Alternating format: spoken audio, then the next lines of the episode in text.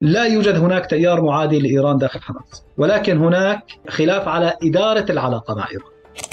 أكبر أكبر طرق التهريب المفتوحة ليس الخط اللي اللي واصل من إيران، وإنما الخط الواصل من ليبيا. بنية حماس تطورت أكثر مثلا بعد الانفصال عن سوريا. يعني إيران هي الممول الوحيد للجهاد الإسلامي من لما انطلقت حتى الآن. في أساس هذه العلاقة لا الإيرانيين يثقوا بحماس ولا حماس تثق بالإيرانيين. خسارة حماس في غزة قد لا تحتمل ايرانيا. إيران كانت معارضة لدخول حماس في الانتخابات. عندما نقلت مكتبها السياسي ترى نقلته إلى القاهرة. وكانت لأول مرة في خطاب حماس الذي يوجه الشكر للجميع ولم يوجه الشكر لإيران. على مستوى سياسي إيران قاعدة بتستفيد اليوم. لا شك إيران كانت معنية بشكل كبير جدا في دعم حالة الاضطراب الموجود في الضفة الغربية. الفترة الماضية حتى ليست فتره الشهور الماضية ربما فترة السنتين الماضية. أنا طارق حمود المدير العام لمركز العودة الفلسطيني في لندن لكن بشتغل يعني ككاتب كباحث في الإطار الفلسطيني تحديدا وفي الموضوع الفلسطيني. اليوم حاولنا أن نجيب على أسئلة كثيرة جدا متعلقة بعلاقة إيران مع الحركات الفلسطينية خاصة في ضوء الحرب الحالية التي طرحت كثير من هذه الأسئلة. لا أزعم أنه إحنا قدمنا إجابات مباشرة على أسئلة واضحة جدا لكن قدمنا مساهمة من الممكن أن تشكل إضافة في فهمنا لطبيعة هذه العلاقة المعقدة التي امتدت على مدار سنوات طويلة جدا ليس آه، لها علاقة فقط في المسألة الفلسطينية وإنما أيضا في الظرف الإقليمي عام الذي يحكم حالتنا الفلسطينية التي تزداد تعقيدا يوما بعد يوم.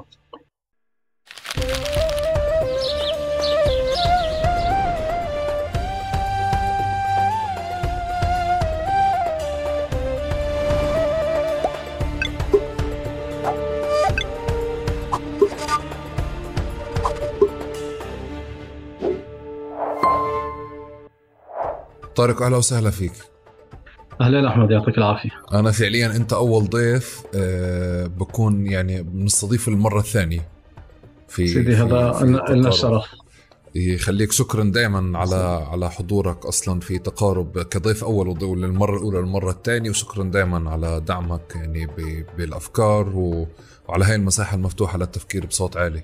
أهلا وسهلا الله يعطيك العافية. الله يعطيك العافية أحمد. الله يكرمك أكيد من هون ل... من من من ثالث سنين لليوم تغيرت أشياء كثيره سابقا رح يعني الرابط الحلقة السابقة يكون موجود للي بده يتعرف أكثر على طارق. مش رح يكون اليوم كريم معنا بكيف كان سابقا قبل ثلاث سنين بالمعلومات عن حاله وعن مساره. بس إذا بدي آخذ تعريف مختصر طارق آه، عنك ومع تحديثات تحديثات التعريف بالثلاث سنين قبل ما ننطلق بالحوار. تفضل. أول شيء يعطيك العافية أحمد. وحقيقة شكرا لك ولتقارب السلسلة اللي عمليا فعليا ضوت على كثير من جوانب الحياة الفلسطينية والمأساة الفلسطينية. خاصة في جوانب ربما آه، ما اعتاد أنه الإعلام العادي يطرقها أو الإعلام التقليدي يطرقها أنت دخلت إلى جوانب حقيقة تفصيلية لكن مهمة جدا.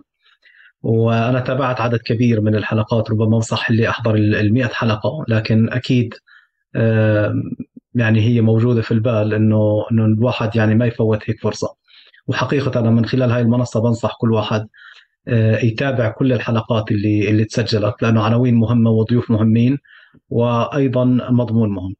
الآن من خلال ثلاث سنوات في خلال ثلاث سنوات حقيقة الماضيه تغيرت أشياء كثيرة على مستوانا على مستواي ما تغير شيء. يعني أنا ما زلت أنا يعني طارق بعمل في كمدير لمركز العودة. ربما التطور الوحيد اللي صار إني حصلت على شهادة الدكتوراه من جامعة اكستر والآن يعني أنا على وشك إني أبدأ في في رحلة أكاديمية جديدة يعني. أترك ال ال لن أغادر لكن سأترك العمل العام ك full time وسأتجه باتجاه الاكاديميا يعني بشكل مركز أكثر. أنا أنا لازم لازم أحكي إنه أنا مبسوط إنك أنت رايح على الاكاديميا لأنه الناس اللي اشتغلت بالسياسة واشتغلت بالشارع وبعدين راحت على الاكاديميا بشعر الواحد بتواصل معها أكثر من الناس اللي قضت مسارها بالمكتبات. فيعني مكسب راح تكون لك وعنوان لنا في الاكاديميا بالتوفيق. الله يكرمك. أشكرك أحمد. طارق تعال تعال نبلش نشوف آه، بال انت إمتى حضر عندك سؤال إيران وعلاقتها مع فلسطين أول مرة؟ أو إمتى انتبهت على إيران حتى أول مرة؟ نعم شوف أنا يعني كوني عمليا فعليا ربيت بسوريا ومن لما نشأت إيران كانت حاضرة في المشهد يعني حاضرة في المشهد بشكل كبير جدا حاضرة في المشهد بالسمعة حاضرة في المشهد حضورا على الأرض. بتذكر أول أول يعني احتكاك. ربما هذا كان لما كنت أنا طالب في في مرحلة الجامعة. آه، كان في شيء اسمه المستشارية الإيرانية في دمشق تابعة للسفارة الإيرانية. وكانت مكان آه، يعني بيستقطب بعض الناس اللي ممكن تيجي بتبحث عن نشاط عام بتبحث عن معرض بتبحث عن شيء تقرأه بتبحث عن أي شيء خاصة في بيئة مغلقة. كانت في سوريا. لم يكن هناك يعني اعتياد على أن يكون بعض المنابر الثقافية أو بعض المنابر اللي ممكن تفتح لك مجال على على العمل العام. فكانت المستشارية الإيرانية واحدة من هذه العناوين. بتذكر يعني آه، في تلك الفترة يمكن هذا الكلام سنة 2000 آه، يمكن كانت هاي هاي البدايات. قبل ذلك بتذكر في فترة في فترة البكالوريا اللي هي التوجيهي. آه، بعد ما ما خلصت آه، كان في كلام عن منح تذهب إلى إيران. طبعا كلام المنح بالفترة تبعي ما كان وارد جدا. يعني موضوع المنحة منحة دراسية خارج البلد كانت مسألة كبيرة جدا. يعني مو مو سهلة ابدا. آه، لا سهلة من حيث التكاليف إنه الناس تقدر تتحملها ولا سهلة إنه الواحد يحصلها. فصار في كلام إنه في منح دراسية آه، إلى إلى طهران. وعرض علي الموضوع في ذلك الوقت لكن حقيقة ترددت جدا آه، في ذلك الوقت. نتيجة الجدل القائم آه، حول إيران حول دورها حول مشاريعها حول كثير من القضايا. في يعني تلك الفترة بتذكر أنه في أسئلة كبيرة طرحت أمامي إلها علاقة تحديدا في مشروع إيران في في في المنطقة. طبعا كان في كلام عن عن مشروع التشيع أو غير ذلك في في هذا الموضوع. آه، كثير من هذه التفاصيل بغض النظر عن مدى دقتها وصحتها آه، واقعيتها حقيقتها لكن هاي الأسئلة طرحت أمامي وترددت جدا بهذا الموضوع و آه، ما ذهبت أو ما ما استكملت المشروع أو process خلينا نقول.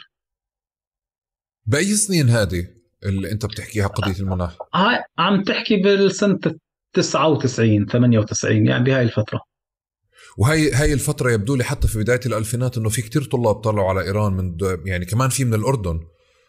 كمان. أنا أنا بس نعم بذكر إنه أصلا نعم فتحت قضية المنح إلى إيران في تلك الفترة في أكثر من بلد، نعم من الأردن خرج عدد عدد ليس قليل يعني. آه، وأيضا من سوريا خرج حتى من فلسطين يعني. من فلسطين من غزة من الضفة. أظن كان في في أعداد. من لبنان أيضا. آه، لكن نعم هي كانت آه، تلك الفترة كانت أعتقد أعتقد موضوع المنح في موضوع يعني مشروع المنح الطلابية في إيران أعتقد بدأ يعني في التسعينيات بشكل مبكر ليس يعني آخر التسعينيات. بس آه، بهذيك الفترة ربما يعني تم التركيز على بعض المنح للطلاب الفلسطينيين تحديدا. طارق طيب أنا في إشي آه، آه، اللي حكيت لك إياه يعني بخلال الحوار الأولي بدنا نجرب نفصل إشي إذا بنفع نفصله ونتحدى حالنا بنهاية الحلقة بنشوف إذا بنفع نفصله أو لا اللي هو قضية علاقة إيران مع فلسطين وخصومتها من إسرائيل يعني خصومتها نعم. مع الاحتلال لأنه في خلط أحيانا بصير بمكانين اللي بخليكاش تشوف التميزات وبخليك تشوف فعليا إنه فصيل فلسطيني. كتير المشتركات اللي موجودة مع إيران كتير أكبر من من ممكن يكون من من فصائل تانية حتى ممكن تكون محلية على مستوى كيف بنحكى اعلاميا. وبدنا نجرب هيك نغربل الحديث الإعلامي. آه، انت ما سمعتش المقدمة بس أنا نوهت لف لإشي آه،. بأنه يمكن ضربة 7 أكتوبر اوحت لنا بأنه كل غالبيه المواد الإعلامية اللي ناقشت علاقة إيران مع فلسطين ما بتجيب على مشهد قاعدين بنشوفه اليوم. غالبية تصريحات وبيانات الفصائل الفلسطينية حتى ما بعد 7 أكتوبر ومطالباتهم لإيران والمحور بالتدخل بشكل أكبر ما بتوحي بالمستوى المحدود للتدخل اليوم. فمحتاجين هيك نغربل وساعدني حتى لو بدنا نروح بنفصل أكتر نفصل ونرجع لورا. إذا بدي أحط نقطة بداية لنفهم المشهد اللي موجود اليوم بالعلاقة إيران مع فلسطين. ومصلحتها وكمان بخصومة آه، وعداء آه، إيران للاحتلال. من وين نبلش؟ طبعا لا شك إنه لازم نبلش من يعني من انطلاق الثورة الإسلامية في إيران. آه، قبل ذلك العلاقة كانت موجودة وكانت علاقة إشكالية علاقة وطيدة مع إسرائيل خلال فترة حكم الشاه. لكن أيضا كان في علاقة مع منظمة التحرير في تلك الفترة بالمناسبة. وكان في بعض أشكال يعني ما بدي أقول الدعم لكن كان في بعض أشكال التعاون المخفي واللي فيما بعد كشفت عنها يعني كثير من التقارير لكن آه، اصطفاف إيران في قبل الثورة كان اصطفاف واضح جدا فيما يتعلق بدعم إسرائيل والتحالف معها. آه، طبعا آه، الثورة الإسلامية في إيران أو ثورة الخميني أعادت قلب المشهد. الكلام اللي بنسمعه كثيرا على تحويل السفارة الإيرانية إلى مكتب لمنظمة التحرير، تسليم السفارة عفوا الإسرائيلية لمنظمه التحرير، بعدها سلوك إيران المعادي للمحور الغربي قضية أزمة الرهائن، قضية دخولها فيما بعد في صراع مع خلينا نقول مع المحور الأمريكي مع بشكل بشكل كبير جدا. هذا كلياته ساعد علما إنه حتى في ثورة في في في خلال فترة الخميني أو بعد بعد الثورة. صار في يعني بعض الإشكاليات أو بعض الجدل حول علاقة إشكالية مع الولايات المتحدة ومع إسرائيل. في ربما فضيحة إيران كونترا من الممكن يعني واحدة من من القضايا التي لا تزال محل نقاش ومحل جدل آه، كثير في هذا الموضوع. لكن كما قلت آه، التحول حصل بتلك الفترة. وعلاقة مع منظمة التحرير الفلسطينية لكن أيضا العلاقة مع منظمة التحرير لم تصل إلى مستويات كما وصلت إلى مستويات مع الفصائل الإسلامية تحديدا الفلسطينية. ولذلك إذا إحنا بنقول نقطة البداية هي كانت ثورة الخميني نقطة التحول أنا بعتقد هي بداية التسعينيات لما بدأت العلاقة تحديدا مع حركة حماس لأنه العلاقة مع الجهاد الإسلامي على سبيل المثال موجودة من بداية الثمانينيات. أصلا الجهاد الإسلامي جزء من انطلاقها كان هو تأثر الثورة الإسلامية في إيران وهذا نظر له يعني آه، الدكتور فتحي الشقاقي ويعني عدد من منظري الجهاد الإسلامي. لكن آه، في نقطة تحول مهمة كانت هو دخول آه، على حركة حماس، خاصة أنه حركة حماس كانت ولا تزال يعني تعتبر الحركة السنية بشكل فاقع لأنه عندها خلفية إخوانية وبالتالي خلفيتها السنية وخلفيتها المذهبية واضحة جدا في المشهد هي جزء من تعريفها أصلا يعني. وبالتالي هاي العلاقة دائما كانت موضع نقاش موضع جدل من بداية التسعينيات صارت لأنه هي العلاقة الرسمية أظن بدأت في ال 91 آه، وهذا هذا الجدل قائم حتى اليوم. يعني حتى هذا اليوم قائم لم يعني 30 سنة تقريبا أو أكثر من من هذه العلاقة الجدلية. لم تنهي نقاش علاقة حماس بإيران لم تنهي علاقة الإسلاميين بإيران لم تنهي علاقة إيران بفلسطين وارتباط ذلك في أجندتها السياسية أو الأجندة الإقليمية بشكل عام. طيب. على على مستوى الفصائل إذا إذا بدي أحكي إنه 2006 كانت نقطة تحول بنظرة إيران للعلاقة مع إسرائيل يعني أو لشكل العداء مع إسرائيل والحاجة ل تعزيز محور ما. هذا الادعاء دقيق؟ 2006 آه، ليش أنت بدأت من 2006 عم بحكي على الحرب. آه حرب آه، حرب آه، لبنان. حرب لبنان. نعم. طبعا بعتقد العلاقة قبل ذلك يعني.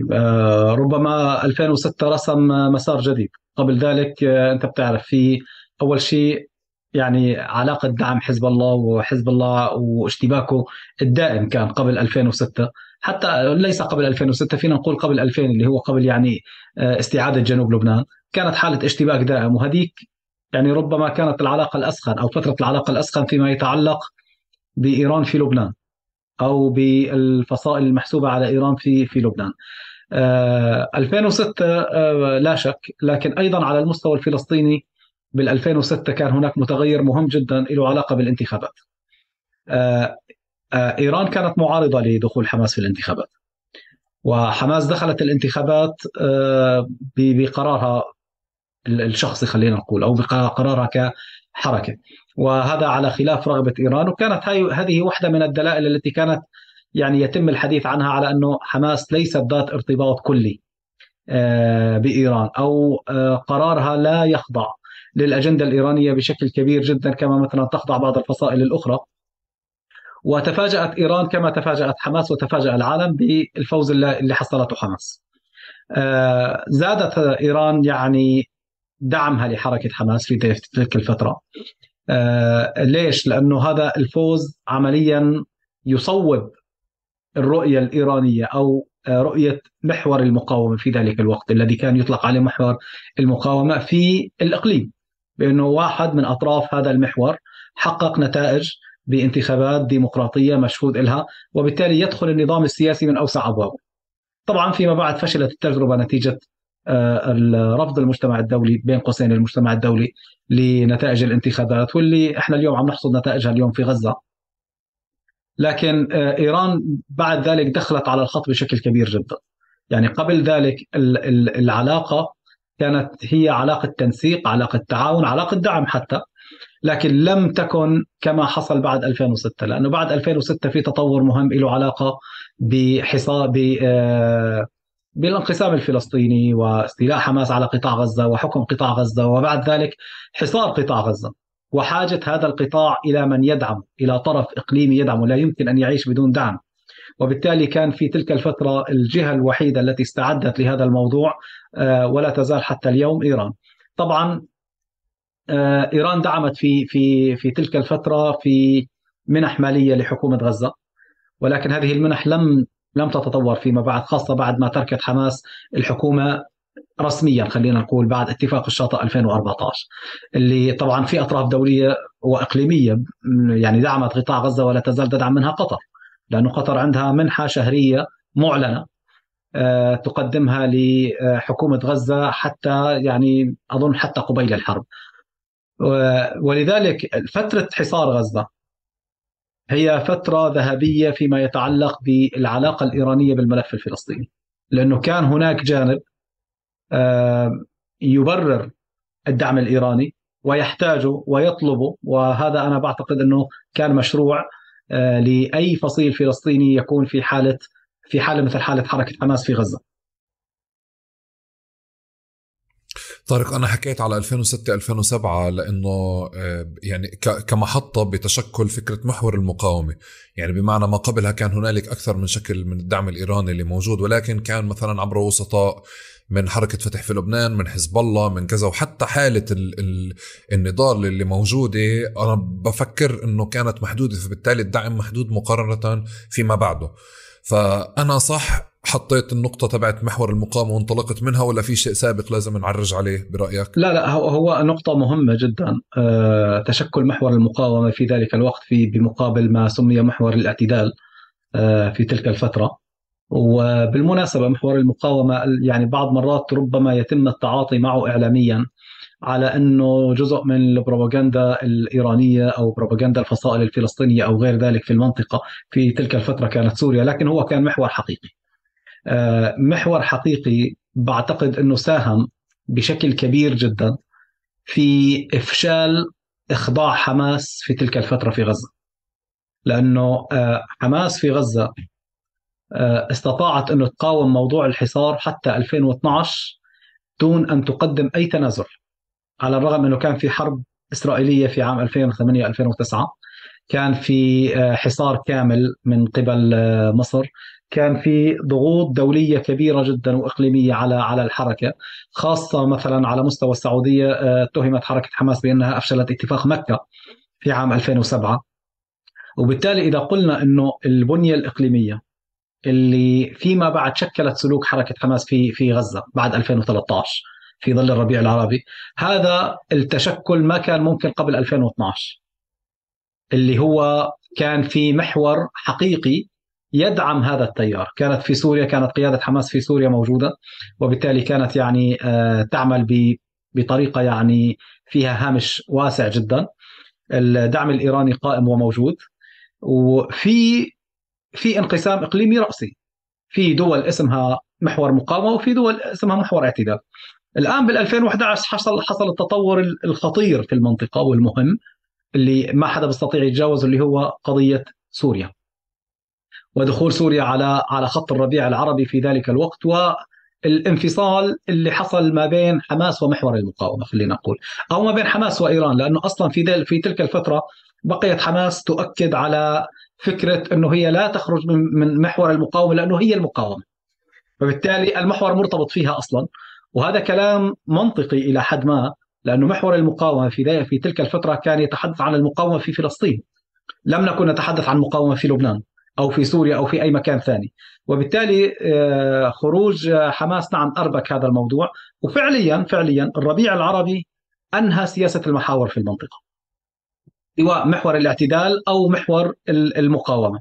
ولذلك كما قلت 2011 آه، 2012 آه، خرجت حماس وخرجت سوريا أيضا.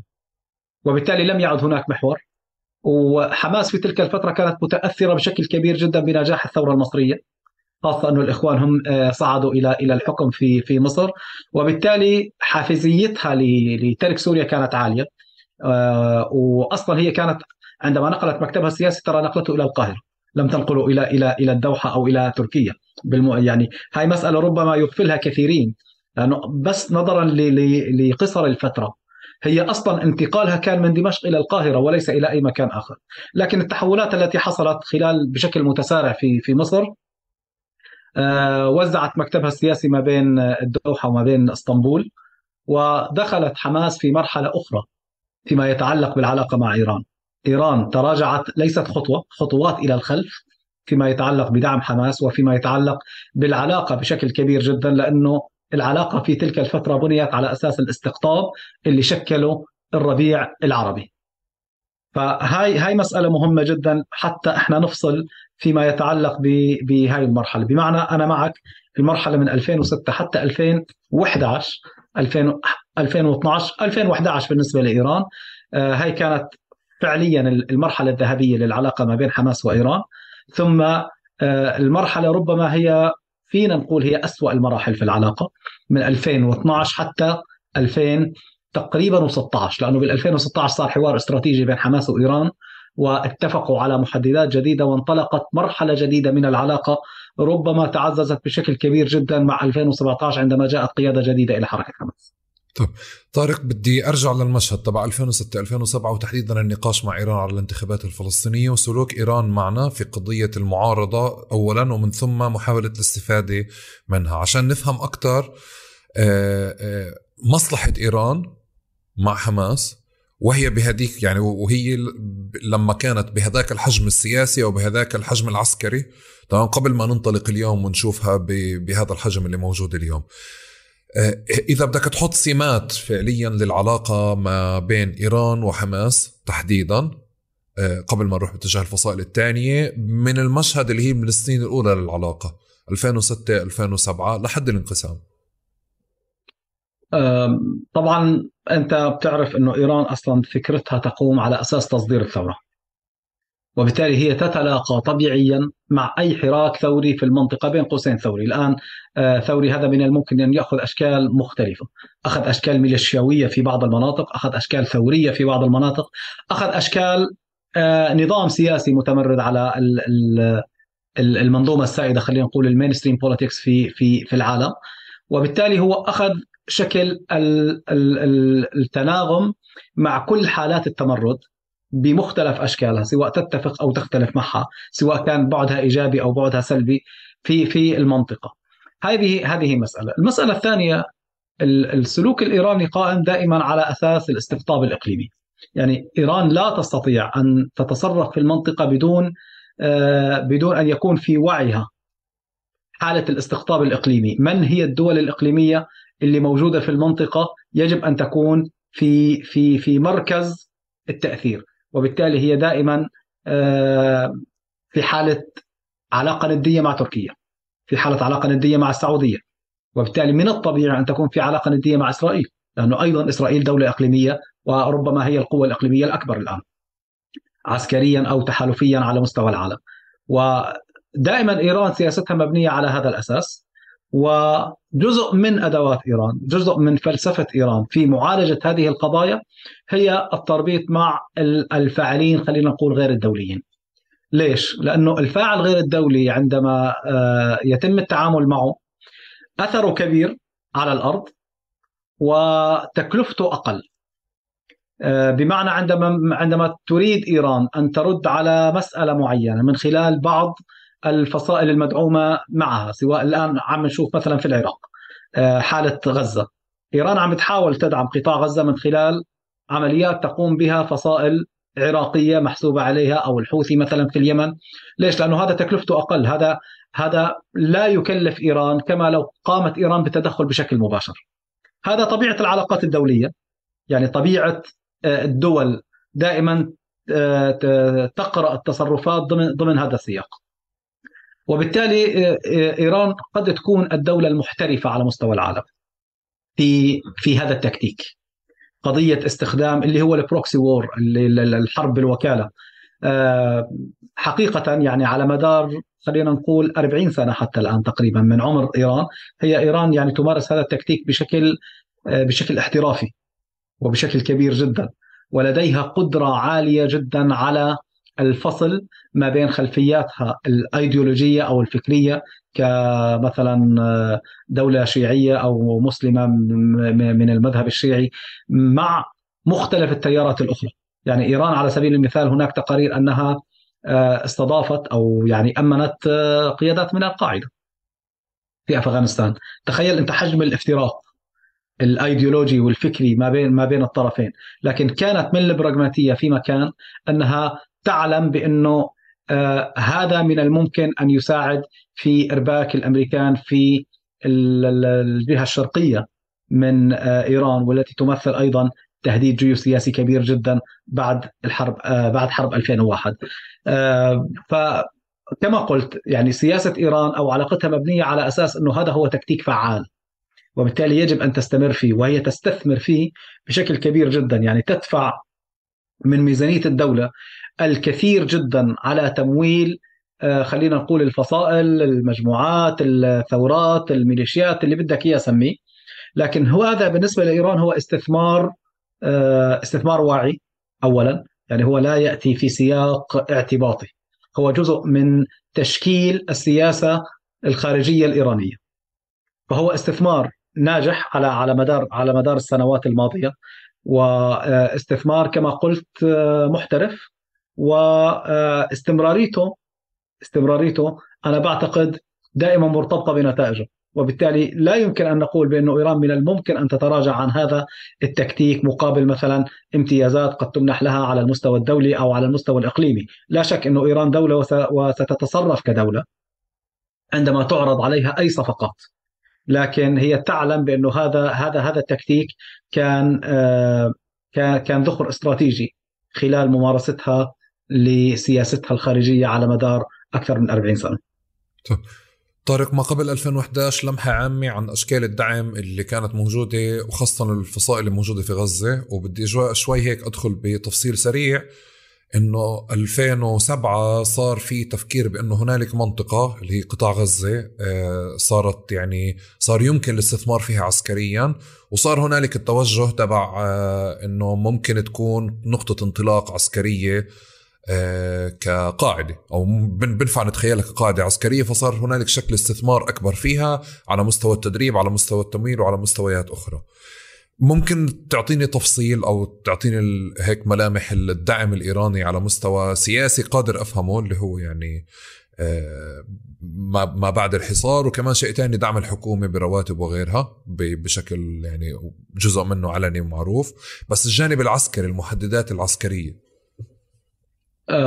طبعا بعد 2006 آه، الجولة المشهورة اللي قام فيها إسماعيل هنية كرئيس للوزراء الفلسطيني في ذلك الوقت وزار إيران وفي حال لما تم ربط النتائج وإيران واحدة من الدول التي قدمت كاش.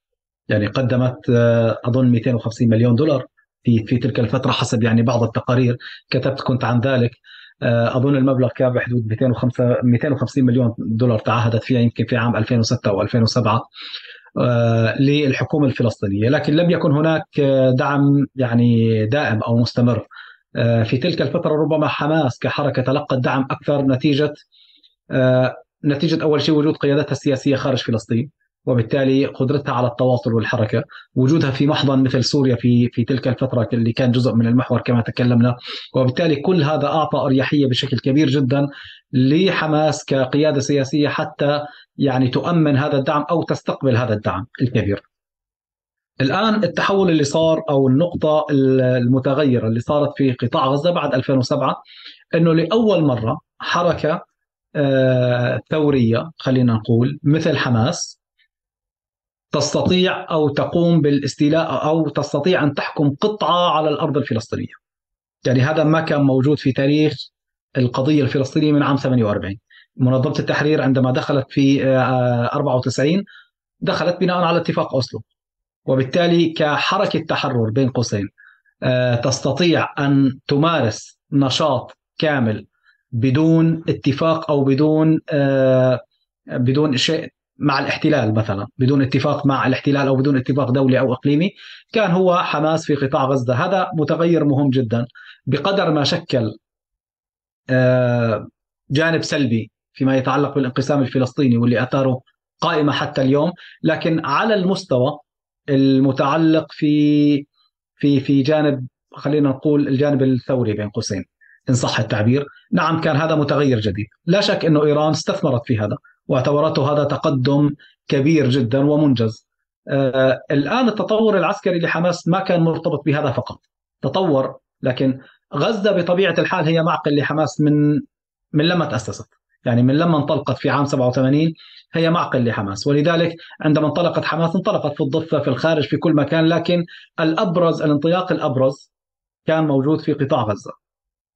آه، مع نهاية الانتفاضة الثانية يعني بال 2005 كان هناك لقاء حصل أظن بثته قناة الجزيرة وأيضا هذا جزء من الاستشهادات اللي آه، اللي استخدمته في كتابة رسالة الدكتوراه بأنه انتهت الانتفاضة الفلسطينية على قوة عسكرية لحماس لا تقل عن 3500 إلى 4000 مقاتل. وهذا رقم ليس قليل وقوة ليست قليلة إذا إحنا عم نتكلم عن فترة 2005 لأنه بال 2005 أنت عم تحكي عن آه، ما غزة لا تزال يعني تحت الاحتلال. انسحب انسحب الاسرائيل انسحبت منها في آه، صيف 2005 آه، هاي مسألة. وبعتقد إنه هذا سبب جوهري أصلا للانسحاب الإسرائيلي. يعني إسرائيل لم تنسحب من منطقة كانت عايشة فيها بأمان. هي كانت مربكة بشكل كبير جدا ميدانيا وعسكريا في غزة وهذا السبب الرئيسي اللي بعتقد يجب أن لا نختلف عليه وندخل في تحليلات كثيرة جدا. لولا الضغط اللي كان موجود في قطاع غزة والكلفة التي سببها قطاع غزة على الاحتلال ما انسحب الاحتلال منها. يعني هاي أصلا جزء من عقيدة إسرائيل أنها لا تترك شيء بالمجان إلا بمقابل وبمقابل كبير جدا. وبالتالي حماس كان عندها البنية الأساسية. وتطورت فيما بعد 2007 لا شك. عدة عوامل في هذا الموضوع. أول شيء إنه حماس حكمت غزة. إنه حماس صار عندها حدود تستطيع أن تتحكم فيها وبالتالي تستطيع أن تتحكم بمعابر التهريب. وهاي كمان مسألة جوهرية. بمعنى لو كانت هذه لو كان هذا التحكم موجود حتى قبل أن تسيطر حماس على قطاع غزة لتطورت بنية حماس العسكرية بنفس الوقت لأنه جاهزية إيران للدعم كانت قائمة من قبل ذلك. يعني لم يرتبط بهذا التطور فقط إنما هو تطور يعني ارتبط بتطور فني خلينا نقول. له علاقة بتوفر آه له علاقة بتوفر إمكانية نقل هذا العتاد أو نقل هذا التدريب أو غير ذلك. وبالتالي مثلا حماس أصبحت عندها قدرة على التحكم بالحدود ولو بطرق التهريب قادرة على إرسال عناصر إلى إلى إيران مثلا من أجل التدريب قادرة على تلقي معدات من خلال آه، طرق التهريب.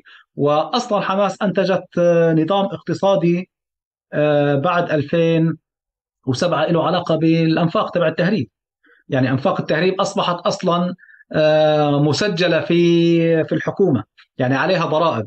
اللي عنده نفق لازم نفق تهريب لازم يدفع عليه ضرائب معينة. بمعنى آه، تم شرعنة حالة التهريب إلى فيما بعد إنه تطورت باتجاه مختلف خاصة مع فتح معبر رفح والاتفاقيات التي جرت مع المصريين في هذا الموضوع. لكن طرق التهريب فتحت وهذا كان مسألة مهمة جدا. على سبيل المثال يعني اللي بيأكد أنه المسألة كانت فنية ولوجستية أنه حماس بالفترة اللي هي ما بين 2012 2013 حتى 2015 تقريبا كان أكبر أكبر طرق التهريب المفتوحة ليس الخط اللي اللي واصل من إيران وإنما الخط اللي واصل من ليبيا. بعد انهيار الحالة في ليبيا فأصبح هناك خط مفتوح ما بين ليبيا وغزة. لدرجة إنه اظن رئيس الشباك اللي يتكلم قال هذا يعني باب من أبواب الجحيم. ونقل عتاد كبير جدا.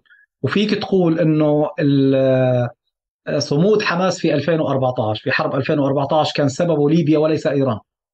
أكثر من من ذلك. وبتتذكر بال 2014 صار في إشكالية لأنه هاي الفترة هي فترة تراجع العلاقة ما بين حماس وإيران. اللي هي كما قلنا الفترة اللي ما بعد حالة سوريا إلى 2000 تقريبا و16 بهذه الفترة أنا بذكر بال 2014 آه، قيادة حماس عقدت مؤتمر صحفي بعد آه، بعد الحرب وكانت لأول مرة في خطاب حماس الذي يوجه الشكر للجميع ولم يوجه الشكر لإيران. وكانت هذه رسالة مهمة جدا التقطتها إيران بشكل كبير جدا وأعربت عن عن آه، عتبها وغضبها في ذلك الوقت وشعرت بضرورة إعادة ترميم العلاقة. العلاقة لم تكن قد انتهت ما بين حماس وإيران. لكن كما قلت هذه الفترة هي فترة آه، خمول العلاقة فترة فتور كبيرة جدا في العلاقة وصلت إلى مستويات يعني إلى أدنى مستوياتها. البديل في ذلك الوقت كان كما قلت كانت حالة الربيع العربي والفوضى التي سببها الربيع العربي والذي سمح بمنطقة سائلة رخوة خاصة ما بين مصر وليبيا التي سمحت بنقل يعني عتاد كبير جدا من السلاح إلى قطاع غزة. استطاعت أن تستخدم حماس في 2014 وأن تبني عليه فيما بعد. بال 2014 ذهب وفد من المكتب السياسي لحماس. أنا أذكر أني تبعت هذا الموضوع لأول مرة. يعني بعد هو لم تنقطع العلاقة كما قلت بعد فتور العلاقة ما بعد ما بعد الثورة السورية ذهب آه، وفد إلى إيران من أجل إعادة ترميم العلاقة. وسمعوا كلام أظنه كان قاسيا وهم أسمعوا الإيرانيين كلاما قاسيا في ذلك الوقت. يعني حسب أحد المصادر. أنا عملت عدة مقابلات في هذا الموضوع وهذا مما قيل بأنه الطرفين أسمعوا بعض كلام قاسي جدا. في هذا الموضوع وعاد الوفد ب فينا نقول فشل فشلت الزيارة. يعني لم تستطع الزيارة أن ترمم العلاقة لكن فيما بعد تم تعزيز هذا الموضوع بوفد آخر. طبعا لا أذكر هذا الوفد كان قبل الحرب أو بعد الحرب بال 2014 لأنه هذا من الممكن يعطي تفسيرات مهمة في هذا الجانب. فيما بعد ذهب أيضا يعني بدأت تذهب وفود أخرى واستطاعت أن تعيد ترميم العلاقة. بال 2016 صار في اجتماع ما بين الإيرانيين وحركة حماس في في في لبنان فيما سمي حوار استراتيجي ما بين الطرفين. شو هي المناطق اللي بنتفق فيها وشو هي المناطق اللي بنختلف عليها؟ وتعالوا لنتعاون فيما نتفق عليه ونضع جانبا ما نختلف عليه. وكان الملف السوري أحد يعني محور هذا النقاش. إنه إحنا مختلفين في الملف السوري. تعالوا لنضع الملف السوري جانبا ونبني العلاقة بعيدا عن الملف السوري. كل واحد يشتغل بالملف السوري بالطريقة اللي بده إياها. أو كل واحد يبني موقفه في الملف السوري بالطريقة اللي بده لكن تعالوا نبني إحنا علاقتنا أو تنسيقاتنا في الجوانب الأخرى. هكذا كان محور النقاش. وهذا طبعا آه، أيضا كما قلت يعني نتيجة مقابلة أجريتها مع أحد قيادات حماس في لبنان. آه، تكلم عن هذا بتفصيل. طبعا في تلك الفترة حماس كانت بدأت تعي وتدرك حجم الضغط الذي آه، اللي بتعيشه في غزة. آه، الربيع العربي انتهى. آه، الثورة المضادة أخذت بعد كبير جدا. العودة للخلف أصبحت صعبة بشكل كبير جدا وبدأت استحقاقات الحصار تدفع بشكل أكبر.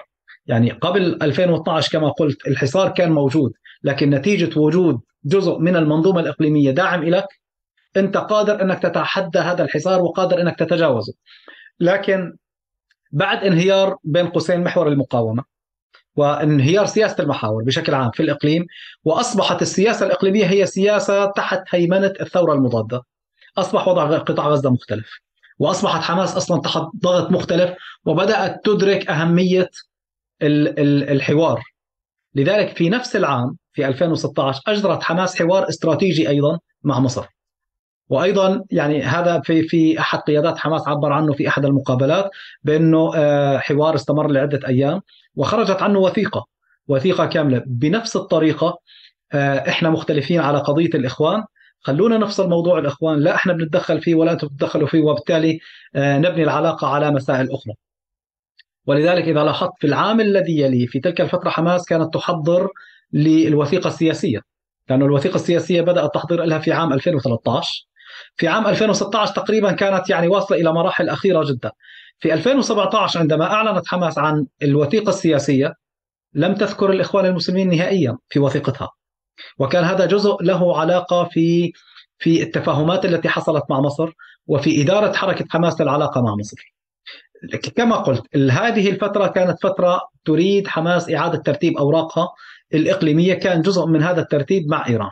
ولذلك خلينا نقول إعادة إنتاج العلاقة ما بين حماس وإيران بعد الفتور الذي حصل على إثر آه، اندلاع الثورة في سوريا كان في 2016 بال 2016 التطور الأهم باعتقادي الذي حصل هو الانتخابات الداخلية عند حماس وتغير قيادة حركة حماس لأنه بتعرف إيران حتى الآن آه، ترى بأنه قيادة حماس السياسية التي كان على رأسها آه، خالد مشعل في تلك الفترة هي ربما الإشكال.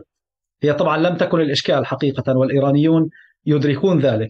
لكن هي أرادت أن تفتح علاقة جديدة فأرادت أن تضع كل سلبيات المرحلة القادمة على مشجب واحد حتى تستطيع أن تقول إنه إحنا داخلنا الآن لأنه هناك قيادة جديدة، هو حتى لو استمرت القياده القديمة في تلك الفترة العلاقة ستمضي في نفس الاتجاه باعتقادي. ف آه، وهذا طبعا آه، واحدة من القضايا التي حاولت أن تلعب عليها إيران بشكل كبير جدا ولا تزال حتى اليوم على إحداث شرخ أو على تصوير على انه هناك تيارين داخل حماس. تيار آه، معادي لها أو تيار آه، مؤيد لها هو حقيقه لا يوجد داخل حماس تيار معادي لإيران يعني حتى أكون واضح في هذا الموضوع من خلال يعني قراءتي ومن خلال متابعتي ومن خلال حتى المقابلات التي أجريتها مع تقريبا معظم قيادة حماس. لا يوجد هناك تيار معادي لإيران داخل حماس ولكن هناك إيه، خلاف على إدارة العلاقة مع إيران. وهاي قضية أيضا باعتقادي معروفة لكن إيران دائما معنية على تصوير إنه هناك تيار معادي لها. حتى تستطيع أن تستثمر في الجانب الآخر وتستطيع أن تبرر هذه العلاقة وبنفس الوقت هو جزء من من من تكتيك التكتيك التكتيك الأداء الاداتي فيما يتعلق بالتفاعل مع آه، مع هذا النوع من الفاعلين.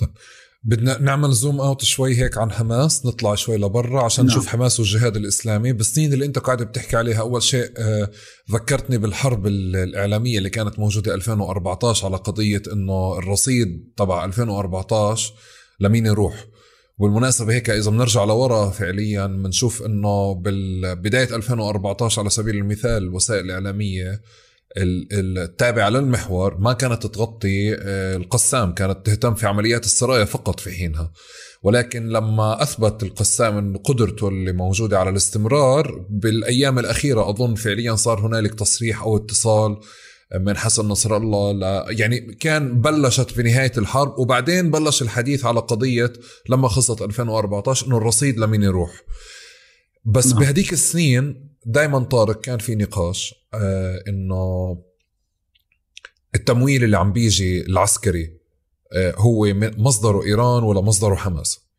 كان دائما يكون في خلاف بالادعاءات إنه جماعة حماس أصلا عندها مصادرها ما قبل علاقتها مع إيران، المصادر الكبرى تبعتها أو الدخل الكبرى اللي بتجي لها بتجي لها من علاقاتها وشبكاتها والتبرعات أكثر من العلاقة مع إيران.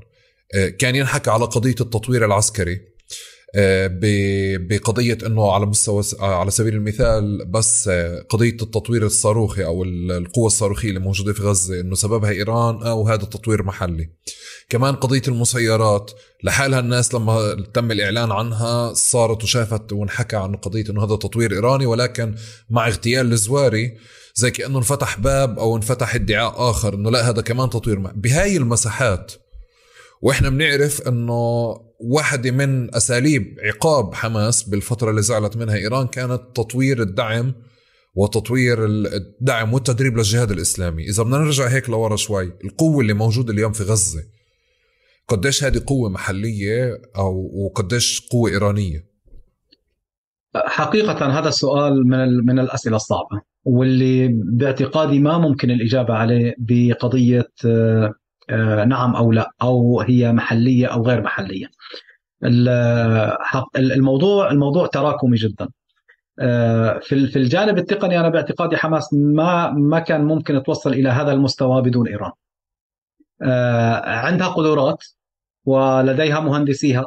وترسل دائما يعني تهتم في قضية التدريب. واضح جدا يعني إحنا مثلا تابعنا على الإعلام الموساد وصل إلى ماليزيا واغتال بعض الشخصيات التي تعتبر علماء مهندسين وغير ذلك.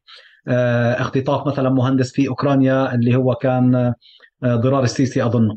آه، في كثير من الحوادث التي تعكس بانه حماس مهتمة جدا من من قديم في قضية التطوير الهندسي والتقني فيما يتعلق بقدراتها واستفادتها من إيران استفادة كبيرة جدا لأنه بالنهاية إيران دولة وقدراتها هي قدرات دولة.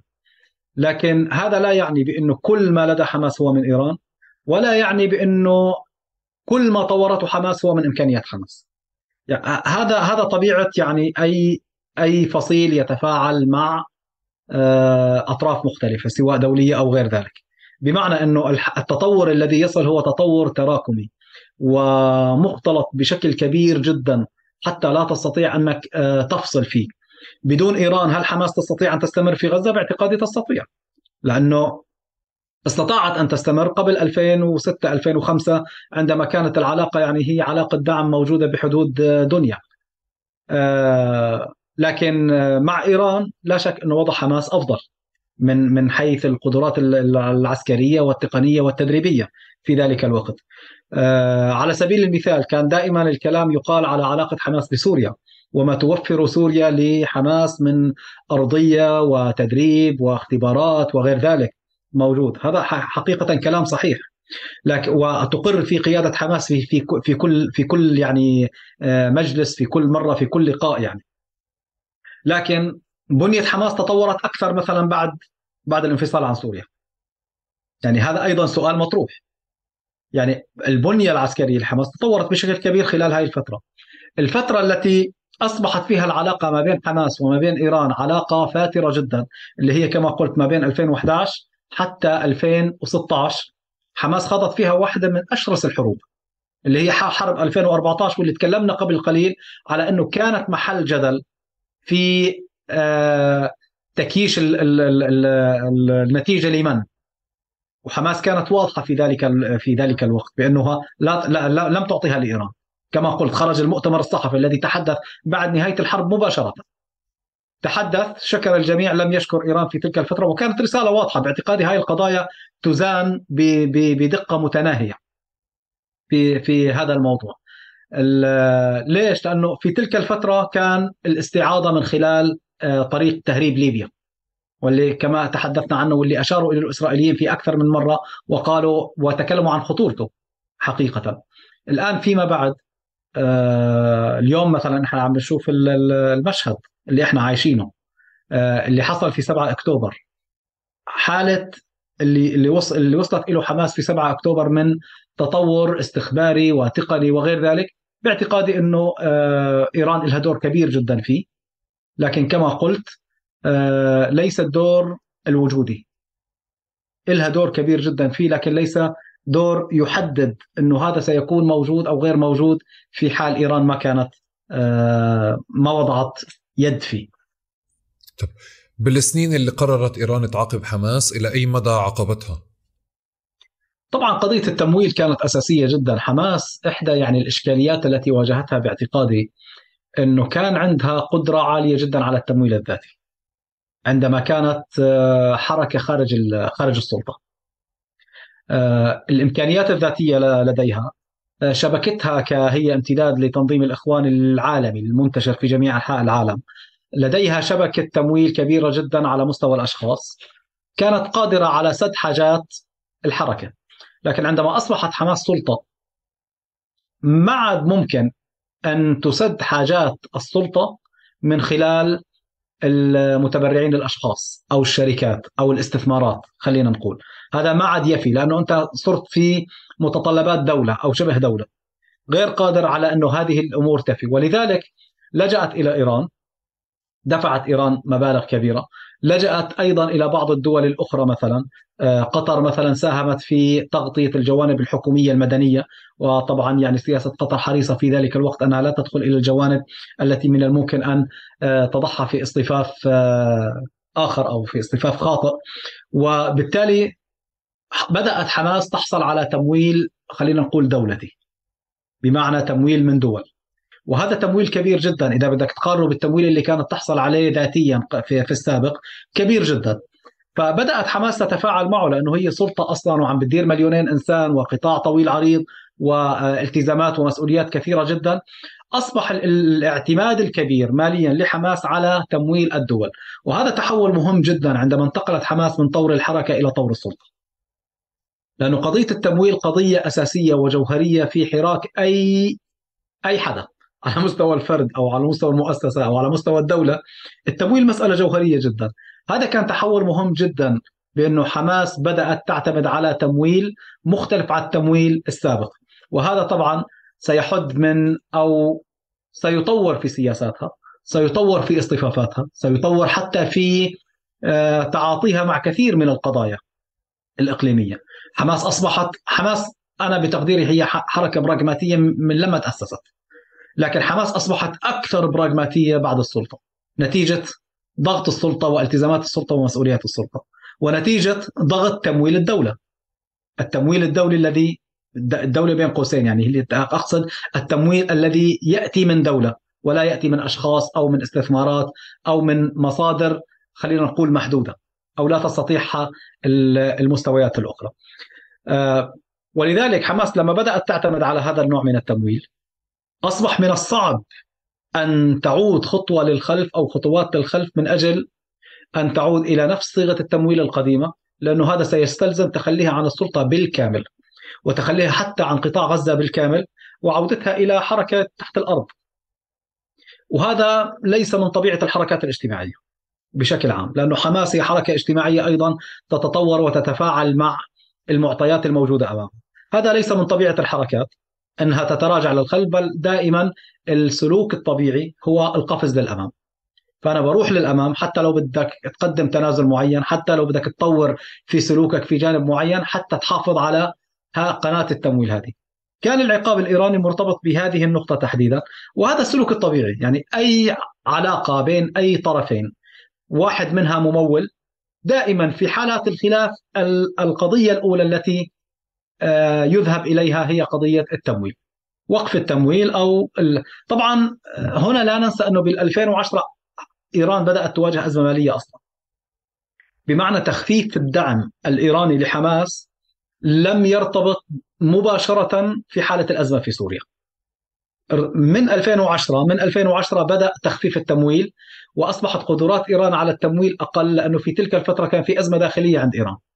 خاصة فيما يتعلق بالانتخابات ونداءات الإصلاحيين الذين خرجوا إلى الشوارع وهتفوا أصلا ضد حزب الله وضد حماس وضد الفلسطينيين وبانه هناك أموال تذهب بهذا الاتجاه. هذه الأزمة ارتبطت أيضا مع الضغط حول موضوع الملف النووي وبالتالي قدرة إيران على التمويل أصبحت أقل ولذلك في تلك الفترة حزب الله الجهاد الإسلامي حماس الجميع واجه إشكالية أو واجه انخفاض في التمويل تعمقت أكثر لما بال 2011 لأنه إيران أصبحت ملزمة بإنفاق هائل جدا في سوريا. خاصة أنها أسست أصلا ميليشيات من الصفر وأصبح لديها قضية كبرى في سوريا تريد أن تقاتل من أجلها وانخفض التمويل. انخفض التمويل بشكل كبير جدا وبنفس الوقت هو إجراء عقابي لأنه حماس اتخذت يعني موقفها. يعني على سبيل المثال الجهاد الإسلامي لم تتلقى تمويل أكثر مثلا. خلال تلك الفترة علما أن الجهاد الإسلامي بقيت في سوريا. لم تتخذ موقفا لا بهذا الاتجاه ولا بهذا الاتجاه لكن بقاها في سوريا كان موقفا مرضيا بالنسبة لإيران وسوريا.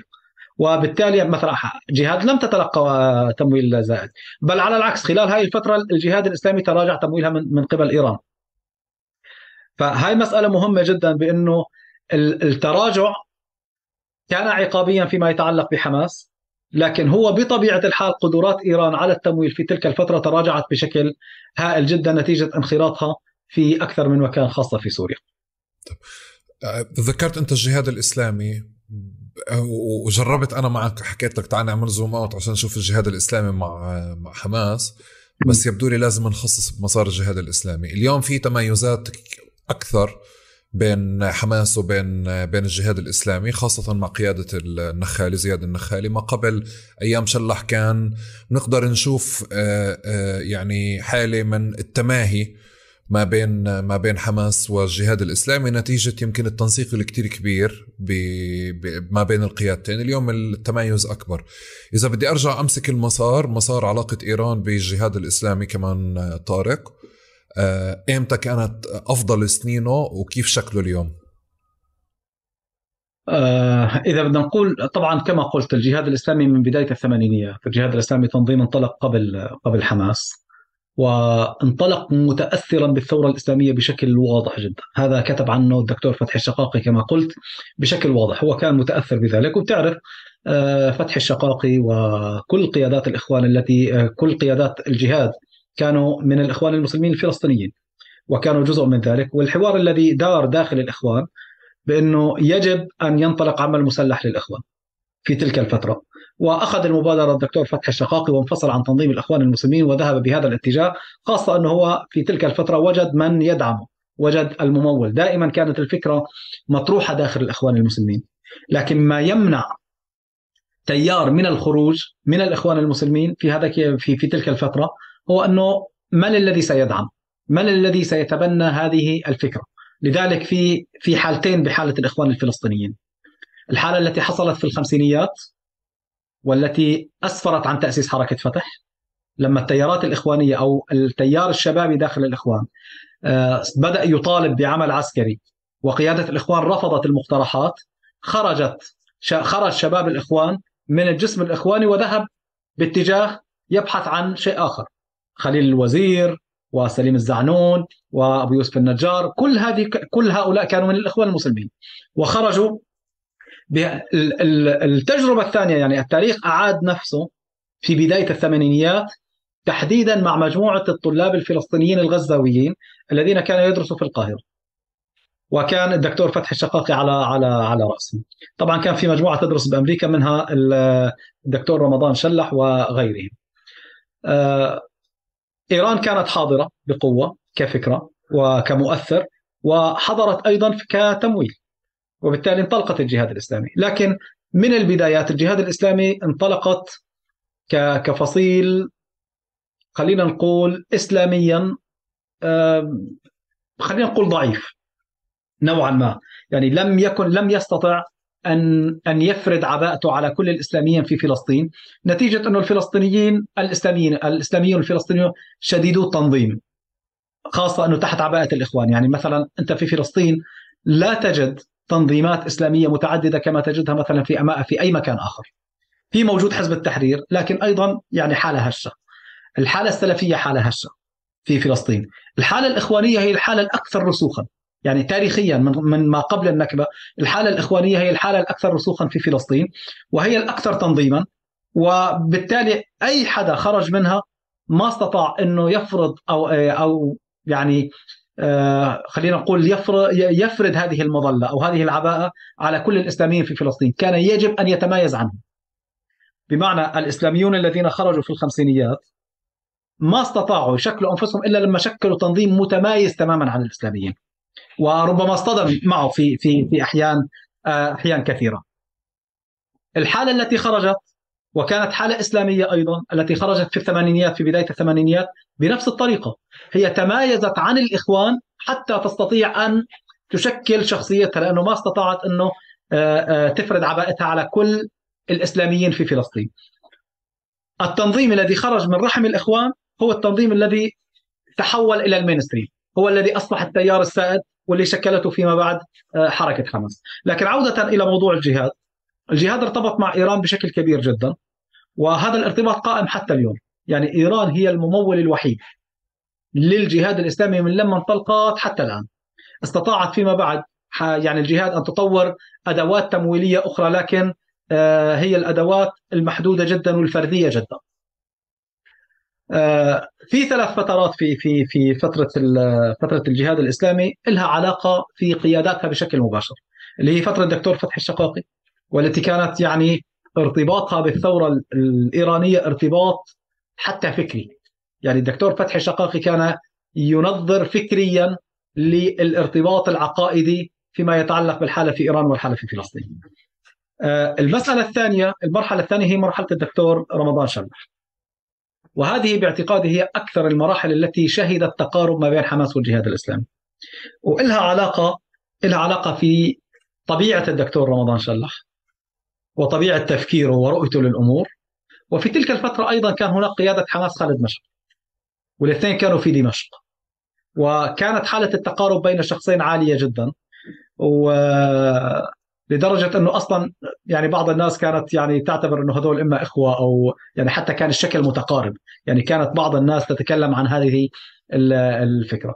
طبعا فترة سوريا فترة سوريا اللي هو جزء أيضا من من موقف الجهاد الإسلامي اللي أنا بعتقده كان متطور فلسطينيا. كان الموقف الفلسطيني الأكثر تطورا في تلك الفترة اللي هي قضية إنه هي بقيت في سوريا ولم تتخذ موقفا مع النظام أو مع الثورة. يعني نأت بنفسها بشكل كبير جدا. هذا مهم شرحه لفهم علاقة الجهاد الإسلامي بإيران واللي كما قلت هو ربما يحتاج إلى حلقات يعني منفصلة.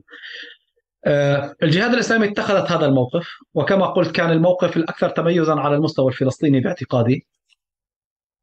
والجهاد الإسلامي لا تستطيع أن تخرج من سوريا. لأنه أصلا هي مرتبطة بحليف وحيد اللي هو إيران. يعني الخروج من سوريا إلى طهران لا يعني شيء. بينما حماس كانت لديها خيارات كثيرة جدا. تنظيم إخواني متشعب كان لديه فرصة في مصر لديه فرصة في تركيا لديه فرصة في في قطر لديه فرصة في أكثر من مكان. هذه الفرص لم تكن متوفرة للجهاد الإسلامي. وربما كان بإمكان الجهاد الإسلامي أن تخرج مع حماس إلى إحدى هذه الدول. لكن آه أظن جزء من وعي قيادة الجهاد الإسلامي في تلك الفترة بانه خروج الجهاد الإسلامي إلى أي مكان آخر سينهي الجهاد الإسلامي وهذا بخلاف حماس انه حماس من الممكن أن تذهب وتبقى لديها خيارات مفتوحة لكن الجهاد تنهي الجهاد لأنه أصلا الجهاد مرتبطه بخيار واحد من لما تاسست له علاقة في آه، إيران. تم تثبيت هذا الموضوع وهنا قصة مهمة جدا بأنه آه، بقيت الجهاد الإسلامي متحفظة على إصدار أي موقف يدعم أي تيار من تيار الحالة السورية. بعام 2000 ومتى صارت عاصفة الحزم؟ أظن حصلت في 2000 هون أظن في 2000 آه 2017 يمكن أصدرت حماس موقف أو بيان يؤيد عاصفة الحزم. في في في تلك الفترة. أظن قبل 2017 أظن 2016 أو 2005 ما بعرف عاصفة الحزم يعني راحت بالضبط متى كانت لكن عندما بدأت عاصفة الحزم في الحرب الخليجية أو السعودية الإماراتية على على اليمن أصدرت حماس موقف واضح وكان أصلا البيان حماس بيان غير مسبوق. يعني مسألة ليس لها علاقة مباشرة بفلسطين وبالتالي لكن يبدو أن حماس في تلك الفترة كانت تحاول أن تقترب من التيار الإقليمي السائد وتحديدا السعودية. كبديل مفترض وحماس دائما تنظر في هذه القضية بأن السعودية هي الحليف الإقليمي التقليدي هي الحليف الإقليمي الممكن للحركات الإسلامية بحكم مكانتها بحكم قدراتها التمويلية بحكم آه، آه، مكانتها الدينية بحكم خلفيتها أيضا الإسلامية السنية وبالتالي تنظر لهذا الموضوع لكن دائما المشهد السياسي أو الحسابات السياسية هي التي آه، تذهب بالأمور باتجاهات مختلفة. وهي قضية أعتقد يعني آه، لها علاقة بوعي حماس السياسي في التموضعات الإقليمية. بمعنى الأمور لا تؤخذ فقط بأنه هذا خلفيته إسلامي أو أنه هذا هذه دولة سنية أو غير ذلك، السياسة باعتقادي لا تعترف بهذه الاعتبارات، الاعتراف الأساسي في السياسات الدولية هي في مصلحة هذه الدولة ومصلحة سلطتها ونظامها الحاكم بالدرجة الأولى. طلب من الجهاد الإسلامي في تلك الفترة أن تصدر بيان ضد عاصفة الحزم ردا على بيان حماس لأنه بيان حماس أثار غضب الإيرانيين. فطلب من الجهاد الإسلامي أن تصدر بيان. وفي ذلك الوقت كان هناك موقف شجاع لرمضان شلاح الدكتور رمضان شلاح برفض الموضوع. وقال إنه الجهاد التزمت بعدم إصدار أي بيان لا يخص فلسطين. يعني هي لا تتدخل في أي شأن آخر غير فلسطين. هاي في سوريا وهم في قلب الحدث ما أصدروا بيان وبالتالي لا نستطيع أن نصدر بيان في هذا الموضوع خاصة إنه فيه إشكال. يعني فيه آه، رد على طرف فلسطيني آخر. وهذا كان موقف باعتقادي يعني يسجل لرمضان شلح ودفع ثمنه. في تلك الفترة يعني دفعت الجهات ثمن كبير جدا فيما يتعلق بقضية آه، التمويل. وبالمناسبة التمويل الإيراني للجهاد الإسلامي حتى الآن ليس تمويلا كبيرا.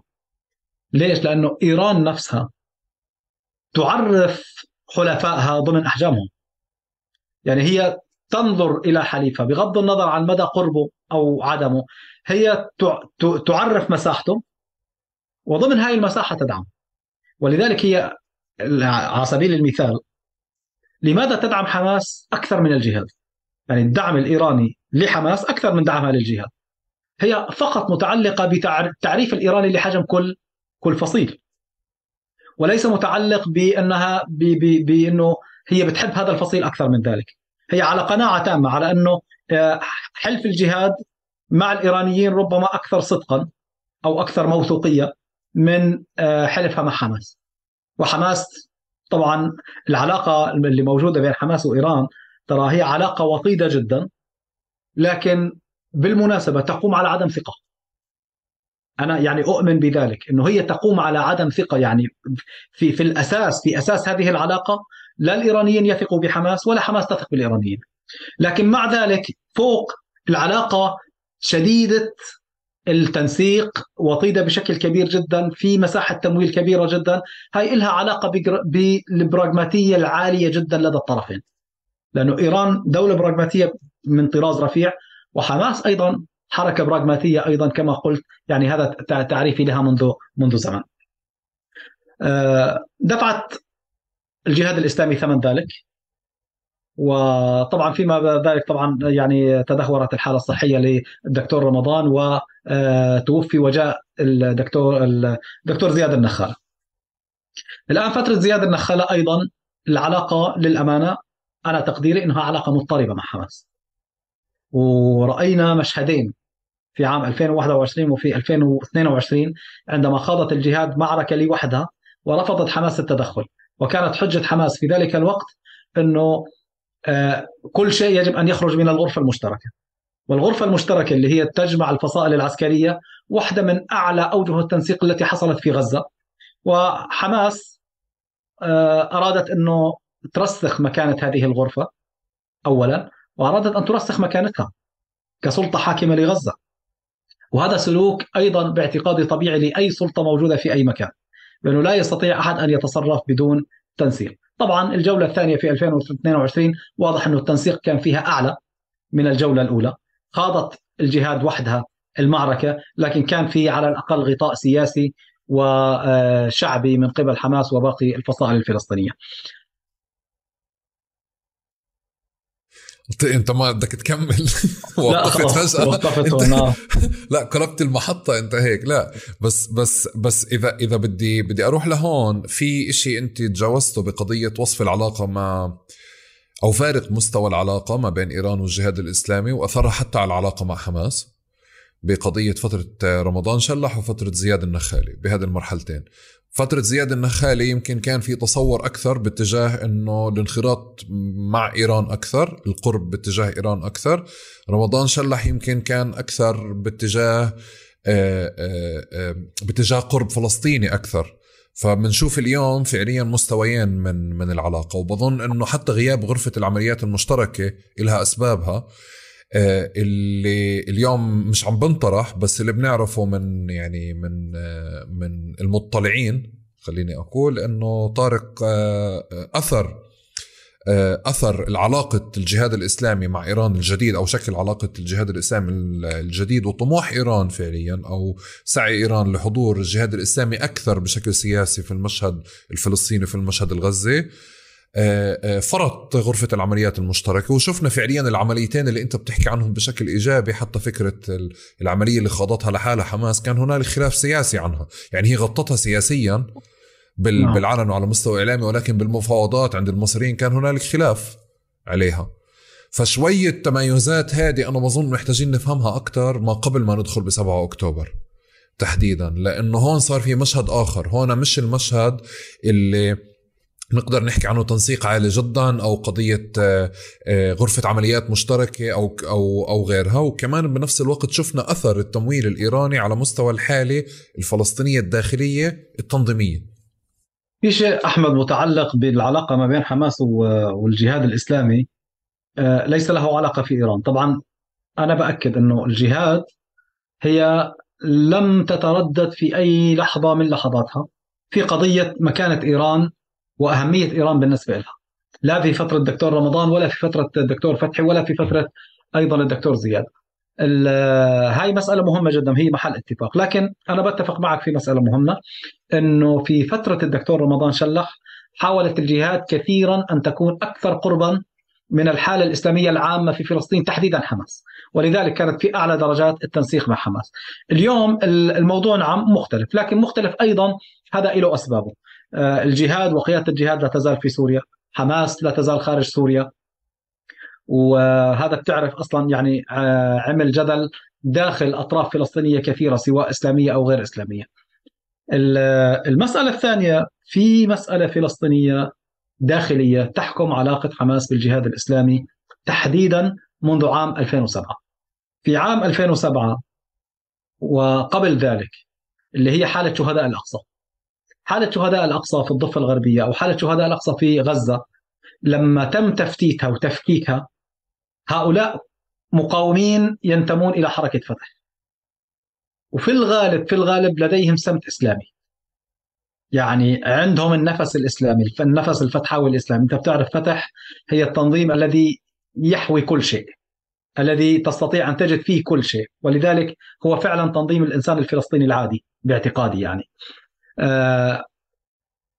شهداء الأقصى أو اللي خرجوا من شهداء الأقصى وما أرادوا ينخرطوا لا بالأجهزة الأمنية ولا بالحالات الاحتوائية التي صنعتها السلطة وحركة فتح فيما بعد أرادوا أن يبقوا في تيار المقاومة. هؤلاء بحكم الإرث التاريخي للعلاقة الإشكالية ما بين حماس وفتح كانوا يرفضوا أن يذهبوا إلى حماس. ولذلك كانوا يروحوا باتجاه الجهاد الإسلامي بشكل دائم. الجهاد الإسلامي كانت هي التي دائما تستطيع استيعاب الخارجين من كتائب شهداء الأقصى أو حتى الخارجين من الأجهزة الأمنية كمقاومين.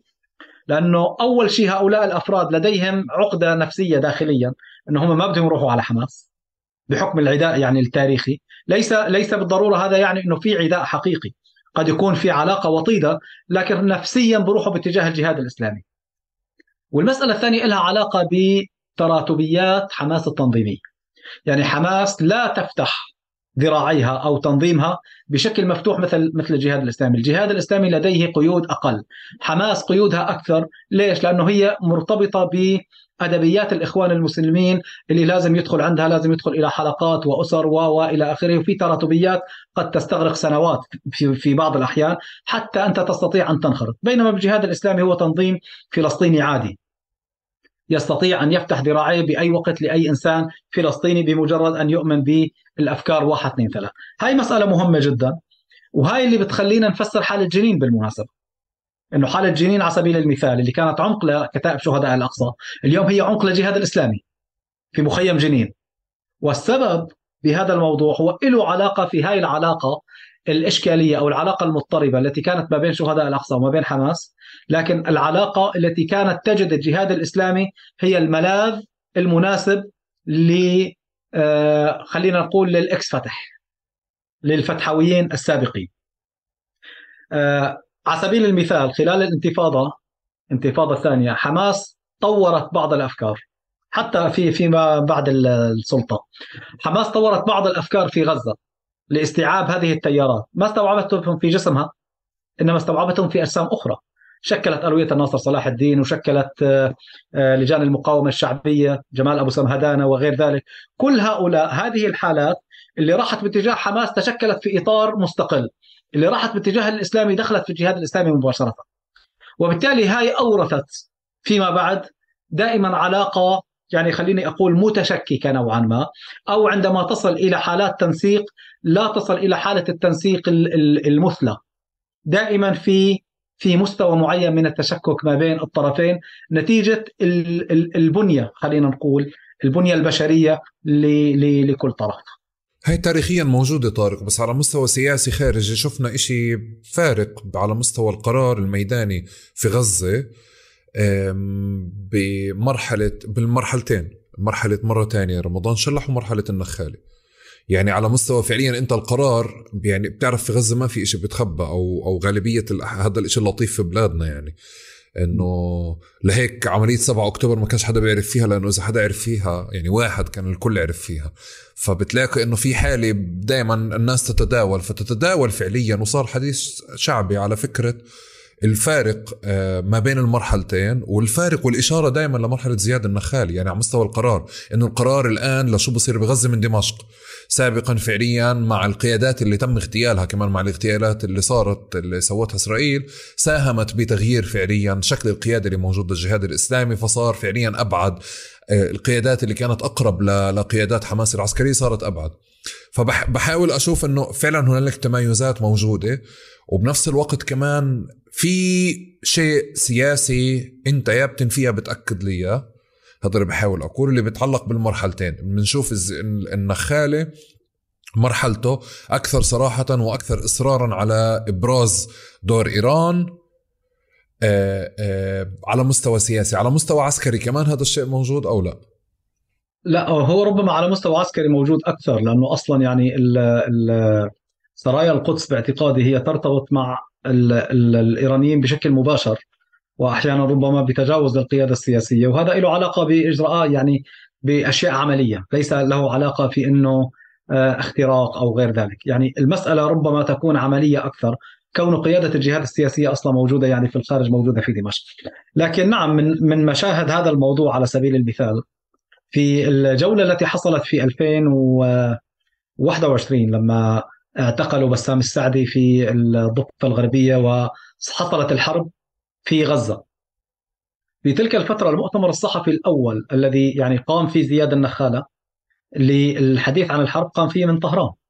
وهذه كانت سابقه على المستوى الفلسطيني بأنه آه، الحرب في غزة آه، تعقد لها المؤتمرات الصحفية في طهران، كانت بالعادة إما تعقد في دمشق أو تعقد في بيروت أو تعقد في القاهرة وربما تعقد أيضا في دول يعني دول أخرى. لكن لم يكن معتادا أن مثلا يعقد مؤتمر صحفي للحديث عن الحرب خاصة يعني ال ال خلينا نقول المؤتمر الصحفي الأول كان. ومن رأس الحالة لأنه الحرب كانت مع الجهاد وبالتالي الأمين العام للجهاد الإسلامي آه لم يكن معتادا إنه تكون من طهران أو تكون من تركيا مثلا أو من أي دولة أخرى. ليست ملتصقة بالحالة الفلسطينية بشكل قريب جدا يعني فهاي مسألة كانت يعني مؤشر في هذا الموضوع وبعتقد في تلك الفترة يعني وجهت انتقادات في هذا السياق لانعقاد المؤتمر الصحفي من طهران. هذا نعم من المؤشرات من الممكن أن يعني لكن كما قلت هي لها علاقة في طبيعة القيادة، طبيعة القيادة الشخصية يعني. يعني هذا الذي يعزز لكن على على القواعد الأساسية للعلاقة باعتقادي هي قواعد يعني هي هي لا تزال لم تختلف من لما تأسست الجهاد حتى اليوم. طلع لبرا على مستوى دول عربية آه، خصوصية الفصائل الفلسطينية مقارنة مع آه، فصائل أخرى اليوم موجودة في في آه، اليمن سوريا لبنان. قبل ذلك مسألة مهمة فيما يتعلق بنظرة إيران لطبيعة العلاقة مع أي فصيل إسلامي. سني تحديدا.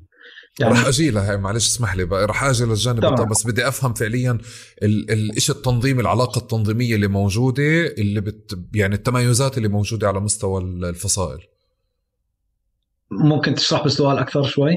عم بجرب أشوف التميزات اللي موجودة في علاقه مع في علاقة إيران مع حزب الله مع الفصائل اللي موجودة في سوريا الميليشيات الموجوده في سوريا في اليمن وكمان بفلسطين الشكل التنظيمي للعلاقة أو المحددات اللي بتنظم العلاقة ما بين ما بين إيران وكل فصيلة وكل مجموعة؟ طبعا بدنا دائما نفصل ما بين الفصائل الشيعية. وهي مسألة مهمة جدا لأنه الفصائل الشيعية ترتبط مع إيران ارتباط عقائدي له علاقة في مفهوم ولاية الفقيه وبالتالي آه، يعني فعليا هي تخرج من النقاش لحتى نقول إنه هاي مدعومة من إيران شو مستوى الدعم أو شو مستوى القرار شو مستوى السيطرة شو مستوى الاختراق أو غير ذلك. هذا يخرج من النقاش بمجرد إنه إيمان هذا الفصيل مذهبيا وعقائديا بأنه ولاية الفقيه هو المرجعية يعني المرجعية الأساسية. هذا طارق شو امتيازاته بتكون؟ هذا يعني إذا بدي أخذ هذا الأقرب على الإطلاق. هذا طبعا امتيازاته إنه آه، هو يأخذ أوامره مباشرة من إيران ولا يتلقى دعمه هو يتلقى أوامره وتعليماته وتوجيهاته. هذا ليس تحليل هذا معلومة يعني هذا يعني حزب الله يصرح في ذلك. وهذا طبيعي جدا. يعني حزب الله ينتمي إلى آه، آه، إلى إلى مذهب عقائدي معين. وعبر عنه يعني السيد حسن نصر الله عبر عنه أكثر من مرة في إنه نعم هو يتبع لولاية الفقيه وهو أصلا ممثل ولاية الفقيه في في في لبنان بشكل رسمي. في الحالة في اليمن نفس الوضع، في الحالة في العراق نفس الوضع والميليشيات الموجودة الآن أيضا في سوريا نفس الوضع فيما يتعلق بالفصائل أو الحركات والمنظمات الشيعية. آه، ربما في اليمن أعتقد يكون في فارق ما يعني لأنه آه، الحالة المذهبية في اليمن لا تنتمي إلى الحالة المذهبية في إيران كما تنتمي باقي الفصائل اللي معروفة في العراق وفي آه، في لبنان. آه، لكن أيضا كما قلت هنا هنا ربما آه، نستطيع أن نضع مستوى ثاني في في في العلاقة، المستوى الثالث اللي هو الفصائل الأخرى سواء كانت إسلامية سنية، سواء كانت فصائل علمانية أو وطنية أو غير ذلك، يعني على سبيل المثال حماس إيران لا تدعم حماس والجهاد الإسلامي فقط، تدعم فصائل دمشق مثلا كلها، الجبهة الشعبية القيادة العامة فتح الانتفاضة الجبهة الشعبية غير ذلك. كل هذه الفصائل تتلقى دعم من من إيران. لكن آه هون الموضوع مختلف تماما وكما قلت هو مستوى ثالث. لكن إيران أيضا كما قلت تعرف مكانة كل فصيل من الفصائل سواء الشيعية أو غير ذلك. من الفصائل الشيعية من الذي يرتبط بنظام ولاية الفقيه؟ وبالتالي من الممكن أن يكون حتى تعليماته من من إيران. من الذي يرتبط بإيران لكن لا يرتبط بنظام ولاية الفقيه عقائديا؟ وبالتالي هذا تدار معه علاقة بطريقة مختلفة وهذا باعتقادي موجود في اليمن. المسألة الثالثة أو المستوى الثالث من الذي يرتبط بإيران من خلال الدعم والتنسيق وإلى آخره؟ اللي هي تقريبا الحالة الفلسطينية كاملة سواء بفصائلها الإسلامية أو غير ذلك. وكما قلت يعاد تعريف كل فصيل حسب مكانته. لذلك مثلا في فصائل فلسطينية موجودة في دمشق آه، فصائل مثلا كانت فاعلة جدا في العمل لصالح النظام وإيران على الأرض خلال فترة الحرب السورية العشر سنوات الماضية. لكن لم تتلقى دعم كبير جدا. لم تتلقى دعم حتى يليق بانخراطها ومشاركتها في في هذه الحرب. بخلاف مثلا حماس التي لم تشارك في هذا الموضوع كانت تتلقى في ظل فترات الفتور في العلاقة دعم أكثر من الذي تتلقاه فصائل في دمشق. ليش؟ لأنه كما قلت إيران تعرف كل طرف ضمن مكانته وليس ضمن تأثيره المباشر فيما يتعلق باجنده آه، إيران أو بسلوك إيران في المنطقة. أنا أنا أنا وقفتك معلش اسمح لي على قضية التشيع والطائفية لأنه هذا لإلي كان قصة تانية. أه بدي أه أقتبس أه دكتورة فاطمة صمادي وهي بتقول بتحكي بالطائفية في على مستوى العلاقات الدولية الإيرانية ولكن بتستثني فعليا فلسطين منها بشكل كامل. قديش أنت بتتفق مع هذا الشيء؟ أنا أتفق تماما إنه إيران ليس لديها مشروع تشيع في فلسطين. ولا تبني علاقتها وتحالفها ودعمها مع الفصائل الفلسطينية على آه، نية مبيتة للتشيع. وهي يعني تعلم طبعا إيران إيران إيران لاعب ذكي جدا. هي تعلم أين تضع استثماراتها التي تحصد منها النتائج. الضخ والاستثمار في مشروع تشيع في فلسطين هو مشروع خاسر. إيران تدرك ذلك ولذلك هي ليس لديها مشروع. مشروع خاسر. هذه هذه يعني الحالة فلسطين تحديدا المنطقة تقريبا الوحيدة في بلاد الشام اللي اللي ما فيها يعني أي طوائف أخرى. تقريبا الشعب كلياته من فوق لتحت كلياته طائفة واحدة. آه، حتى كسنة آه، جميعهم شوافع يعني. بس اسمح لي من مكان تاني بدي أقول لك مع مع إذا بدي أرجع بس لآخر 15 سنة. إن حاولت إيران مثلا تشتغل على التشيع أكثر في غزة ما كانت رح تنجح؟ أنا باعتقادي لا. باعتقادي لا. والتجارب من غير مقاومة محلية. لا لا بغزة مثلا حصلت بعض التجارب. والتجارب هاي كانت باعتقادي هي مبادرات يعني فردية محدودة. آه، أظن طلعت حركة اسمها الصابرين بفترة من الفترات. وفي بعض المظاهر الفردية بالمناسبة. تشيع داخل بعض الفصائل. وفي بالضفه يعني كمان مش غزة بس. نعم موجود موجود لكن هي ظواهر فردية محدودة. بعض مرات لها علاقة بالتأثر الفردي أو لها علاقة بالارتباط الفردي مع جهات ما في إيران.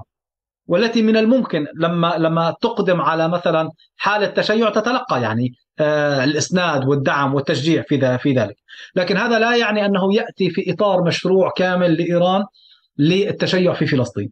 ليش؟ لأنه مثلا حركة الصابرين في غزة سقطت شعبيا قبل أن تسقط يعني آه، سلطويا أو غير ذلك.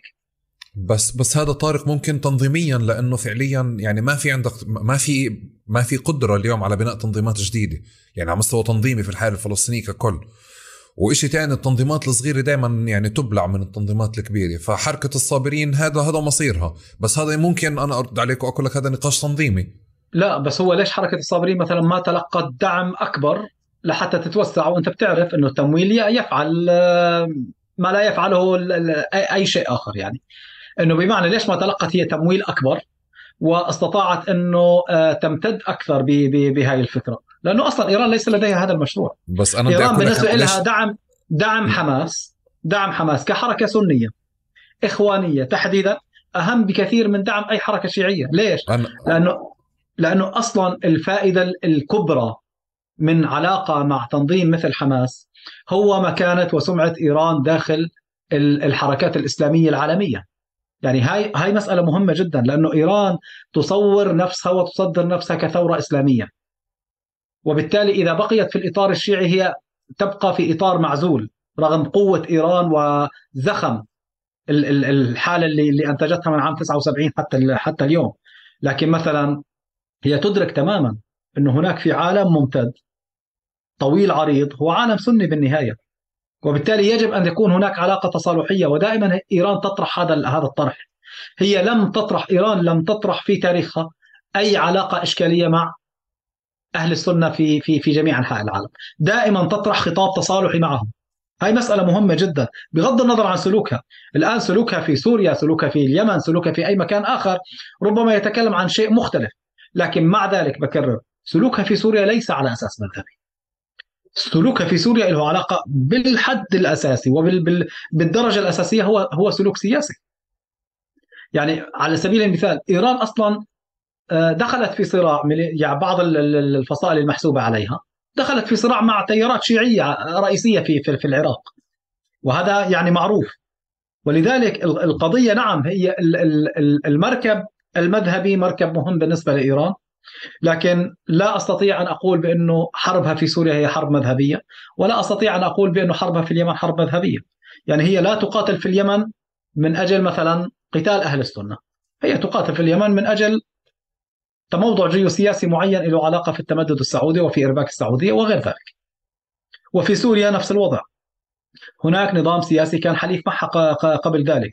بل أكثر من ذلك هذا النظام اللي كان حليف كان لا يسمح بتمدد إيران في مساحات واسعة جدا قبل ذلك. أنا كنت في سوريا وأعلم بأنه إيران لم تكن تأخذ راحتها بالكامل في الدعوة المذهبية. عندها مشاريعها عندها حسينيات ومساجد وحوزات وغير ذلك موجودة في سوريا.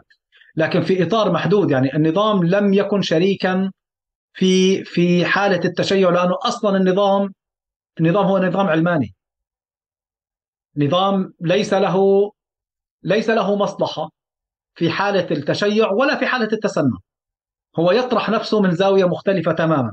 لكن نعم بلحظات ما نتيجة خلفيته المذهبية يجد نفسه في اصطفاف باتجاه معين. لكن هذا الاصطفاف كما قلت بعده الأساسي بعده سياسي آه ليس مذهبي. في حالة مثلا في حالة الجهاد الإسلامي إذا ظهر داخلها اليوم مع مع نمط العلاقة الجديد داخليا وخارجيا صار في تشيع أكثر إيران رح تدعمه؟ أنا باعتقادي على المستوى الفردي من الممكن يتلقى دعم لكن لا لا يمكن أن يتلقى دعم كمشروع متكامل يعني كما قلت يعني بعض مرات من الممكن أن يكون هناك علاقة فردية ما بين قيادي أو اثنين أو فرد أو عدة أفراد مع مؤسسات مع أفراد لها علاقة بالتنسيق والتفاعل. من الممكن أن يتلقى دعم من الممكن أن يتلقى تشجيع من الممكن أن يتلقى تمويل لمشروع ما أو أو غير ذلك. لكن لا تنخرط هذه في إطار مشروع متكامل في هذا الموضوع. يعني أهم بالعكس أنا باعتقادي بالعكس. إيران تدرك بأن سنية الحركات الإسلامية في فلسطين هو الأهم لها من أن تكون حركات شيعية. طيب طارق. إيران حاضرة عندها نفوذها عندها تمويلها عندها سياستها عندها علاقاتها وعندها قياداتها. ومستوى العلاقة قاعد بتطور. قيل كثيرا يعني على على مستوى إعلامي من منابر فعليا محور المقاومة بالأكثر مايزت ما بين خالد مشعل والضيف ما بين السنوار وغيره. والبعض قال إنه كان لإيران حضور وتأثير في آه، تشكيل المكاتب السياسية اللي موجودة يمكن 2016 وإطلع. الجزء الأول تفضل. لا خلص تفضل عرفت الجزء, الجزء الأول الجزء الأول باعتقادي آه، هناك ما يدلل ويؤشر عليه. الجزء الثاني لا. آه، بعتقد حما آه، إيران لم تستطع. لو لو لو كان لديها ربما تكون لديها الرغبة لكن ليس لديها الإرادة في الموضوع في موضوع تشكيل القيادة السياسية أو المكاتب السياسية لحماس أو غير ذلك وإحنا ملاحظين أصلا إنه الثقل في القيادة السياسية لحماس انتقل إلى غزة بحكم الثقل الذي انتقل بطبيعة الحال إلى غزة، يعني ثقل حماس هو موجود في غزة بطبيعة الحال. آه، المسألة الأولى نعم إيران تحاول أن تمايز، لديها علاقة إشكالية مع خالد مشعل تحديدا. وهذا عبرت عنه في كثير من المحطات إن كان على مستوى التصريحات أو إن كان حتى على مستوى السلوك على الأرض.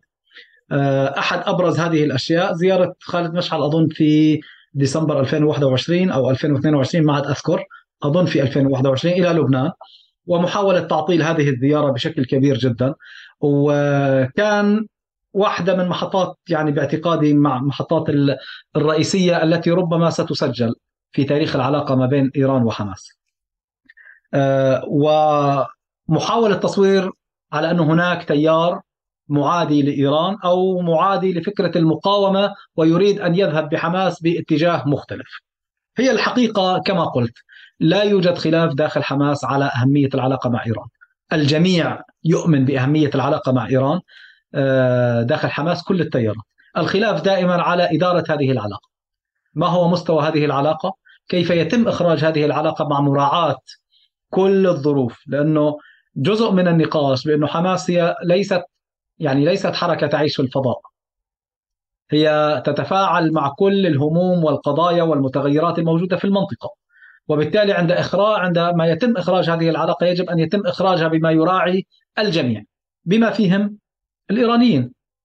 ولذلك مثلا كانت تحدث كثير من الإشكاليات عندما تخرج بعض التصريحات التي تسبب توترا لدى مثلا السوريين فيما يتعلق مثلا بعض الحوادث التي قيلت عن شهيد القدس في آه، جنازة سليماني فيما بعد ذلك العلاقة مع سوريا في كثير من من المحطات التي كان الخلاف له علاقة في الإخراج.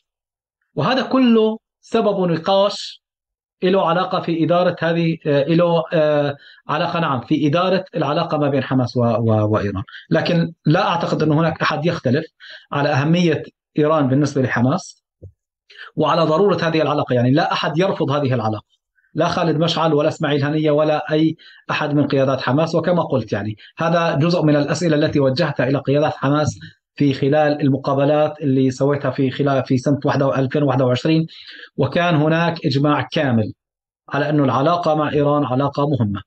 وأيضا اعتراف واضح جدا في آه، القدرات اللي طورتها حماس فيما بعد بفضل الدعم الإيراني. لكن الخلاف حول آه، الإدارة.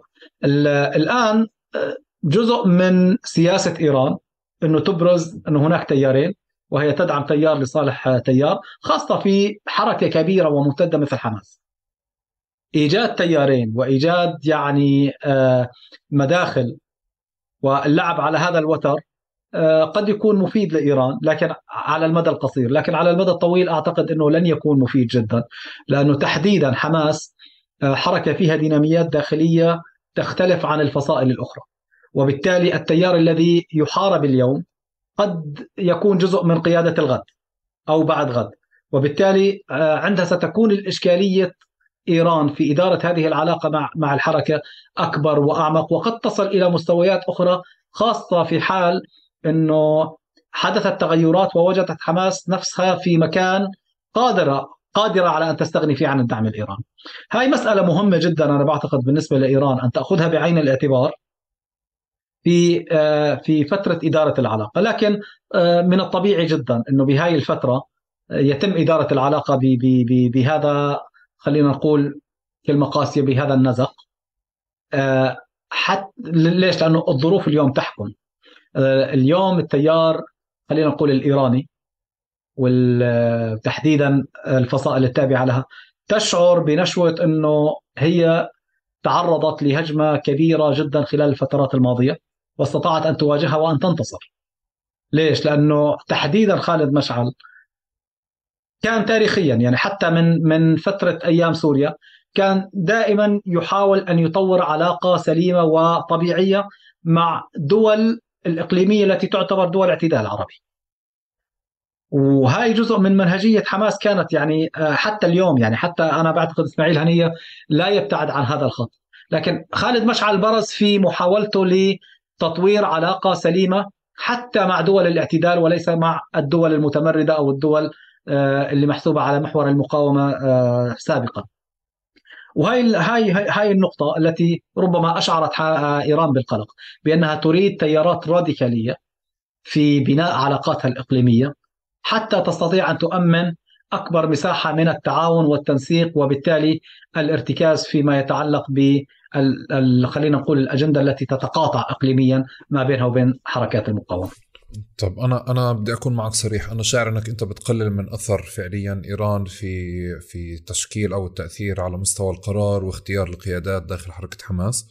لأنه بس إذا بدي آخذ المادة الإعلامية اللي انحكى عنها ما قبل وحملات التحريض ضد على سبيل المثال خالد مشعل ورفع شخصيات أخرى رح توحي لعناصر حركة حماس في غزة وغيرها وفي غزة خاصة بأنه الفلوس والتمويل وتطور العلاقات مع إيران رح يكون باتجاه هذا القيادي يعني بس إذا بدي أخذها من هذا المستوى.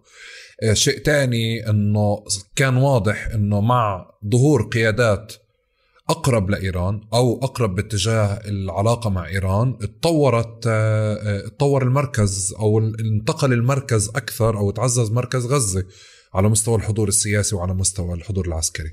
لحظة 7 أكتوبر يمكن طارق هي يعني لحظة فيها تجلي لأنه نفس الحوار اللي أو نفس الموضوع اللي صار في 7 أكتوبر قيل إنه أو طرح سابقا في حرب 2014 ولكن فعليا على مستوى عسكري ولكن فعليا في حينها صار في نقاش عسكري وسياسي وأجل أو ألغي أو تم تنحيته جانبا.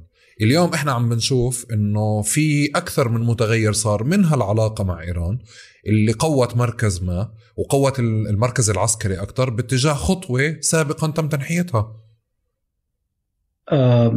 أنا بأكد على نقطة إنه آه، إيران لديها الرغبة الكبيرة جدا في التأثير في شكل القيادة السياسية والعسكرية. لكنها لم آه، لم تنجح في ذلك على على مستوى حركة حماس. آه، كما قلت الانتقال مركز الثقل إلى غزة ليس سببه إيران ولا الدعم الإيراني. ولا ساهمت فيه. ولا, ولا لا هو هو ساهمت فيه بشكل طبيعي لكن هي مثلا دعمت غزة مثل ما دعمت أي أطراف أخرى يعني. لكن لكن آه انتقال المركز إلى غزة سببه هو بكل بساطة. إنه آه غزة هي ثقل طبيعي لحماس. السبب الأول باعتقادي انسحاب الاحتلال الإسرائيلي من غزة في عام 2005 هذا ساهم بنقل الثقل إلى إلى غزة. أنت عم تتكلم عن أرض آه، نسبيا محررة. اثنين فوز حماس بالانتخابات في عام 2006 ثلاث الانقسام اللي حصل في عام 2007 والذي أنهى وجود حركة فتح ومؤسسات السلطة الفلسطينية التقليدية بالمقابل قامت السلطة بالانتقام بالضفة الغربية، فأصبح هناك تمايز، أصبحت غزة هي المركز الطبيعي جدا لحركة حماس، على المستوى الجغرافي والسياسي والتنظيمي وغير ذلك. ولذلك يعني تنظيم حماس تضاعف خلال الفترة ال 15 سنة الماضية يمكن ثلاث أو أربع مرات في غزة. تنظيم حماس لا يقل عن 130 ألف شخص حسب يعني آه، ما يقال بعض الأحيان. في في قطاع غزة أنت عم تتكلم عن نسبة هائلة جدا. من السكان آه، في في غزة. ولذلك مركز الثقل في غزة له أسبابه باعتقادي غير الإيرانية. الآن آه، إيران تؤثر في قرارات القيادة. هذا له علاقة في في تأثر أي قيادة في حليفها وفي تحالفاتها. مثل ما بتتأثر قيادة حماس على سبيل المثال بعض مرات في بعض تعاطيها مع إرادة تركيا أو مع إرادة قطر أو مع إرادة سوريا في آه، قبل الحرب مثلا. فبالتالي هو التأثر التأثر هذا طبيعي ومنطقي وموجود قائم لا أحد يعني باعتقادي ينكر ولا أحد يستطيع أن ينكره لكن ليس إلى الدرجة التي من الممكن أن نتخيل إنه آه، إيران تستطيع أن تقرر داخل حماس. السبب في ذلك ليس انه حماس عصيه على الاختراق بل على العكس ربما لديها الآن القابلية في آه، في في هذا الموضوع. نتيجة اتساع جسمها الكبير جدا ونتيجة أنه هي تحولها إلى سلطة شبه دولة. لكن المسألة أنه ديناميات حماس الداخلية لا تتيح ذلك. حماس عندها ديناميات داخلية فيها من المستويات وفيها من ال ال خلينا نقول التيارات التي لا تسمح بمثل هذا. وحتى إذا إذا حصل لا يمر مرور الكرام يعني لا يمر بشكل طبيعي. يحدث جلبة داخل آه، حماس نتيجة دينامياتها المتنوعة سواء ديناميات التصعيد القيادي ديناميات اتخاذ القرار وأيضا ديناميات التعامل مع الأطراف المختلفة. حماس انتقلت من شكل القيادة المركزية التي كانت تقاد حماس كانت تقاد من الخارج حتى عام 2009 من لما تأسست حتى عام 2009 بالكامل. يعني كل قيادة حماس كانت من الخارج. بال 2009 تم الاتفاق على شكل قيادي جديد نتيجة انتقال الثقل إلى إلى غزة ونتيجة التحولات التي حصلت. صار في قيادة ثلاثية.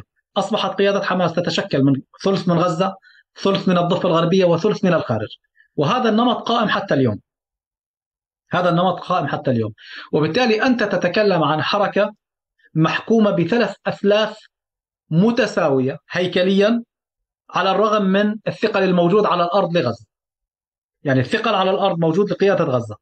لكن هو في مؤسسة اتخاذ القرار غزة لها ثلث مثل الضفة اللي عمليا الحركة مستأصلة فيها.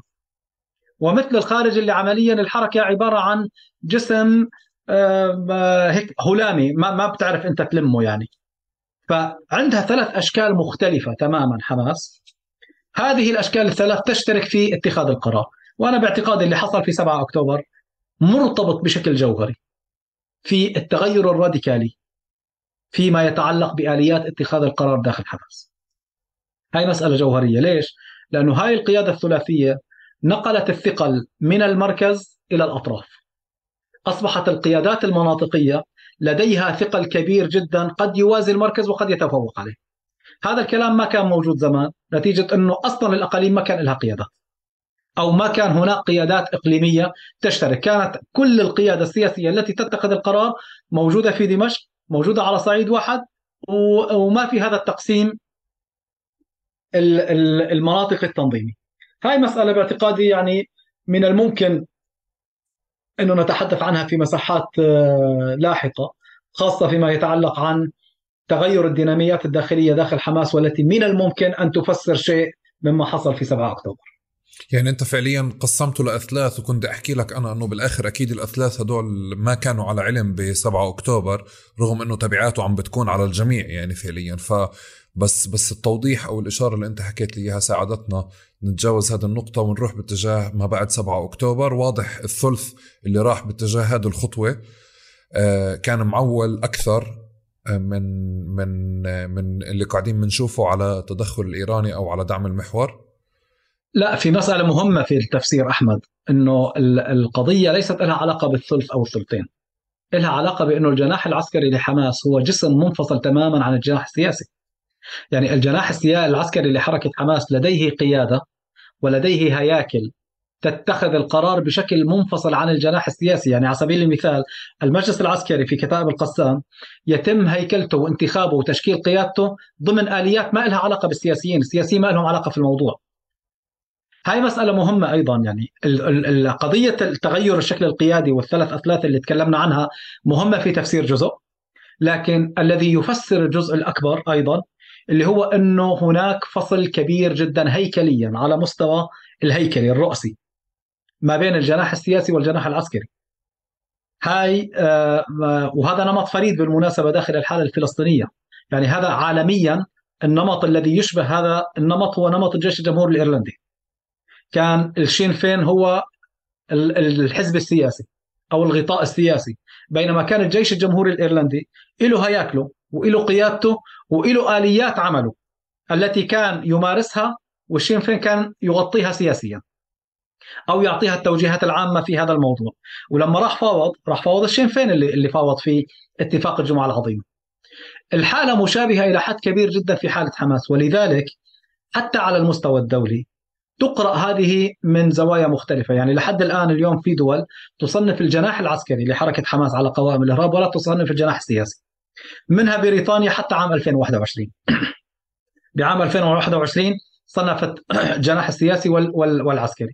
لكن مثلا نيوزيلندا حتى الآن تصنف الجناح العسكري لا تصنف الجناح السياسي. نتيجة إنه في تمايز في هذا الموضوع بينما مثلا في حالة الجهاد الإسلامي هذا التصنيف غير موجود عالميا لأنه التمايز غير قائم ما بين الجناحين الجناح العسكري فيك تقول هو جهاز من التنظيم الكامل لكن حماس فيها فعليا فعليا هيكلين هيكل سياسي وهيكل وهيكل عسكري. طبعا إذا بدنا نتكلم عن عن الهياكل داخل حماس حتى هناك هيكل دعوي ما له علاقة بالسياسي. صح صح. وهناك هيكل اجتماعي ما له علاقة لا بهذا ولا بهذا ولا بهذا. وهاي جزء من خصوصية التنظيمات الإخوانية. إنه التنظيمات الإخوانية بعض مرات تديرها مفاهيم عامة ليس بالضرورة أن ترتبط بتنظيم.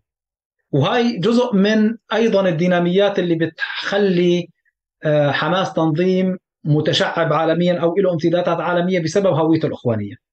على سبيل المثال لو كان هناك شخص ينتمي لتنظيم إخوان من أي بلد آخر. ماشي؟ وأراد أن يدخل مثلا إلى حماس. قد يستقبل من اليوم الأول بمجرد أنه تنظيم الأخوان يزكى. لكن لو كان هناك شخص فلسطيني لا ينتمي إلى خلفية أخوانية يريد أن يدخل إلى حماس قد لا يدخل بثلاث أربع سنوات. نتيجة هاي التراتبية. فهاي طبعا مسألة معقدة لها علما أنه هي تراجعت بشكل كبير جدا. يعني حماس اليوم هي حماس تنظيم فلسطيني أكثر منه إسلامي. حركة تحرر وطني فلسطيني آه، يعني أكثر.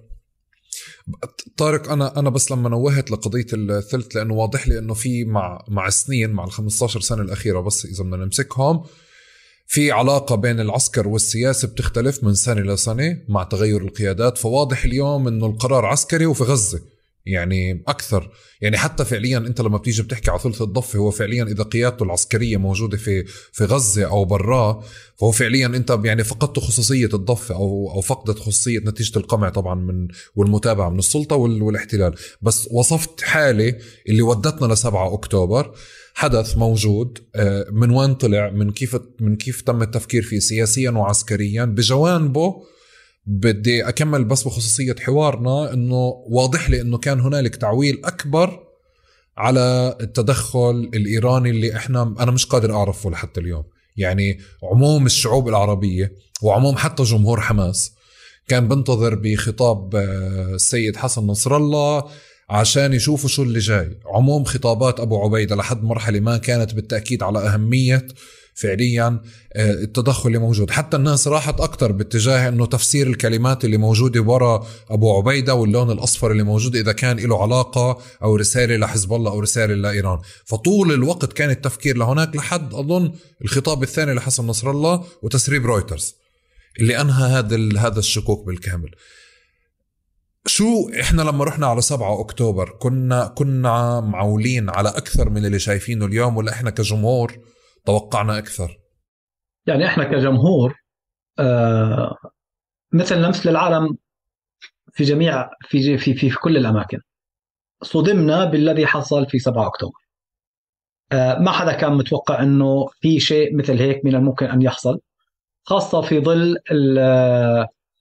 القوة الإسرائيلية الكبيرة جدا. اللي هي قوة حقيقية. لكن كانت مغلفة بدعاية ربما أكبر بكثير مما كنا يعني متوقعين. الآن ضمن المعطيات المنطقية والواقعية اللي ممكن يقرأها أي واحد فينا.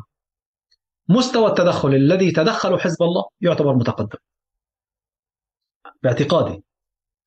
يعني هو آه، ربما حماس كانت تتوقع انخراط أكبر من ذلك لحزب الله أو لإيران. وفي بداية الحرب أنا توقعت بأنه من الممكن حزب الله ينخرط بشكل أكبر حتى لو أدى إلى حرب على لبنان لأنه خسارة حماس في غزة آه، يعني قد لا تحتمل ايرانيا. يعني إيران ربما تضحي في مساحات كبيرة من أجل أن لا تضحي في مساحة حماس في غزة لأنه هاي مسألة مهمة. وانتهاء حماس في غزة قد ينهي بشكل عملي آه، الحضور الإيراني في الملف الفلسطيني. لكن مع ذلك آه، ربما الواقعية السياسية آه، يعني لديها شروط مختلفة. حزب الله انخرط والانخراط الذي دخل فيه حزب الله هو انخراط كسر قواعد الاشتباك الموجودة في الجنوب منذ 2006 وهذا تقدم. لكن هذا التقدم لا يقاس لوحده. يعني إحنا ما فينا نقيسه لوحده ونقول إنه صار في كسر قواعد الاشتباك آه، راسخة من عام 2006 وبالتالي هذا من الممكن أن يعتبر شيء واو. دائما يقاس هذا الفعل نسبة إلى ما يحصل في الجانب الآخر أو إلى مسبباته. مسبباته أنه هناك في حرب إبادة في قطاع غزة غير مسبوقة. في جريمة مرتكبة لم يتخيلها أحد. ولا تزال مستمرة حتى الآن. في غطاء غربي أمريكي للمشهد إحنا حتى الآن مصدومين فيه. يعني أنا اليوم مصدوم بالموقف الغربي أكثر من صدمتي في في 7 أكتوبر. بكثير جدا يعني. أنا ما كنت متخيل أنه الديمقراطيات الغربية الراسخة الحامية لحقوق الإنسان من الممكن أن تدوس على القانون الدولي إلى هذا الحد وبهذا الإمعان والإصرار. من أجل إيش؟ من أجل من أجل نتنياهو وبن غفير وسموتروش يعني من أجل يعني ناس رعاة ناس قليلي التعليم آه، سوابق جنائية أو غير ذلك بيحكموا إسرائيل اليوم وبالتالي الغرب يأتي يقف. ليش؟ طبعا باعتقادي يعني فيما بعد من الممكن تفسر منطقيا. إنه هاي لحظة لحظة تهديد وجودي وليست لحظة تهديد أمني. بالتالي لا ينظر إلى من يحكم إسرائيل إنما ينظر إلى إسرائيل نفسها وفي استمراريتها من عدم استمراريتها. هذا هذا المشهد هو اللي سبب كسر قواعد الاشتباك في جنوب لبنان وبالتالي أمام عظم هذا المشهد أمام ضخامة الجريمة نعم ربما كان متوقع انخراط آه، أكبر لكن حسابات الحزب أيضا دقيقة جدا حسابات الحزب قد تقود الحزب إلى خسارة لبنان بالكامل. ليش؟ لأنه أيضا لبنان لا يحتمل. لبنان آه، في حالة اضطراب منذ سنوات خاصة في النظام الاقتصادي منهار بالكامل. اضطراب سياسي كبير جدا.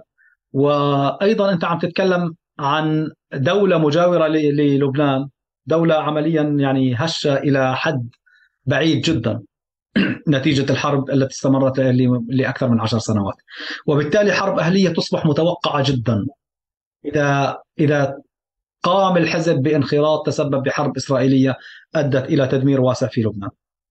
طبعا آه، أيضا الإيرانيين والحزب آه، لمسوا الاستعداد الإسرائيلي العالي جدا لاقتراف مثل هذه الجرائم يعني بعد اللي شافوه في غزة هذا عكس أن هناك استعداد إسرائيلي عالي جدا ومغطى دوليا في هذا الموضوع ولذلك تحركت البوارج الأمريكية والبريطانية وغير ذلك كرسائل لإيران ولحزب الله أكثر منها تكون رسائل لحماس أو غير ذلك.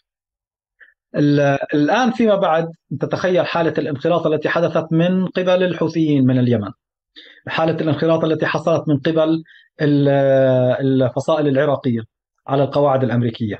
بمعنى هو يعكس بأنه إيران مهتمة بتحريك كل الأدوات الممكنة من أجل الضغط لإنهاء الح... لإنهاء الحرب في غزة لكن دون أن يتسبب ذلك في انفراط كامل لا للحزب على مستوى حرب ولا لإيران أيضا كدولة.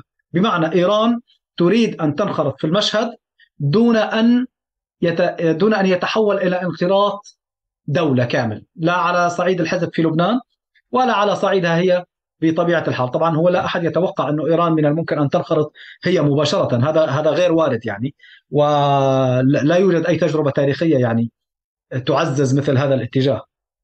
لكن الحالة اللي كانت متوقعة هي حالة لبنان تحديدا. أنا أنا بتفق معك تماما بالنسبة لحزب الله وحتى من من الأيام الأولى اللي بشوفه اليوم هو مشاركة وتدخل أكبر من اللي قبل وحتى يعني كان عندي رأي إنه كتبته على تويتر إشي بيشبه بتتذكر المزايد اللي كانت ما بين حماس والجهاد الإسلامي آه، بفكرة أنه حماس ليش مش داخلة أنه فعليا المعطيات اللي موجودة اليوم عند حزب الله لا يمكن تخليه إذا استراتيجيا كان بفكر باتجاه القيام بشيء مثيل في على على الحدود الجنوبية. فأظن اليوم الفرصة صعبة. واضح كمان اليوم إنه حزب الله لازم يتهيأ أكثر لهجوم إسرائيلي لأنه لن إسرائيل مش رح تسمح له فعليا يعاظم ال ال ال القوة ليصير مثل أو يعمل شيء مثل 7 أكتوبر مرة تانية. ولكن واضح لي إنه هذا اللي إحنا أنا وياك بنحكيه اليوم بال بال بالأيام الستين بس بالأيام الأولى طارق أبو عبيدة لما كان بيطلع وبيحكي هي لنا أو وصل للمحللين إنه كان بتوقع أكثر. يعني الآن خطاب حسن نصر الله لما طلع بالخطاب الأول كان خطاب محبط مش بس للجمهور اللي ما بيعرف المعطيات السياسية واضح لناس حتى مطلعين كانوا بتخيلوا إنه ممكن يكون في شيء أكثر. الآن مع تزايد الإبادة غاب سؤال حزب الله تماما أصلا يعني أو سؤال إيران. بس أنا عندي عندي عندي سؤال يعني لما صارت لحظة 7 أكتوبر والتبعات الأولى لإلها لما صار في طلب للمحور بالتدخل وانتظار وترقب لدور لحزب الله. شو كانت القاعدة أو شو كان التصور في حينها؟ إيش كان التصور أو إيش كنا عم نستنى على مستوى سياسي وعسكري؟ طبعا إذا بدنا نحلل يعني في في هذا الموضوع آه وهذا سؤال كبير آه قد قد آه قد يطرح فيما بعد إنه عندما شنت عملية 7 أكتوبر ما الذي كان ما هو المتوقع؟ يعني شو كان متوقع؟ هل كان متوقع مثلا ردة فعل أقل من ذلك؟ وبالتالي يعني آه أنا طبعا تحليلي السياسي أنه كانت هناك رغبة لدى حماس وإرادة أيضا بتغيير الواقع الوضع الراهن.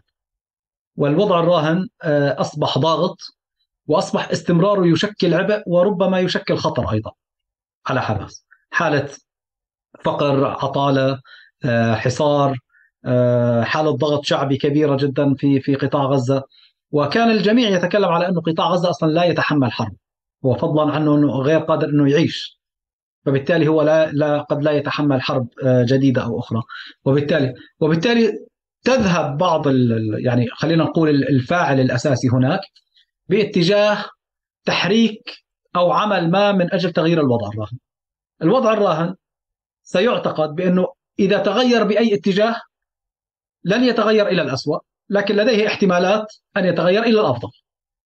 مع دفع أثمان. لكن واضح أنه اليوم أنه آه، ردة الفعل الإسرائيلية والعالمية ربما فاقت هذه التصورات. وبكل تأكيد قبل ذلك مثلا كنا نسمع خطاب كثير عن وحدة الساحات عن معركة التحرير أو عن غير ذلك.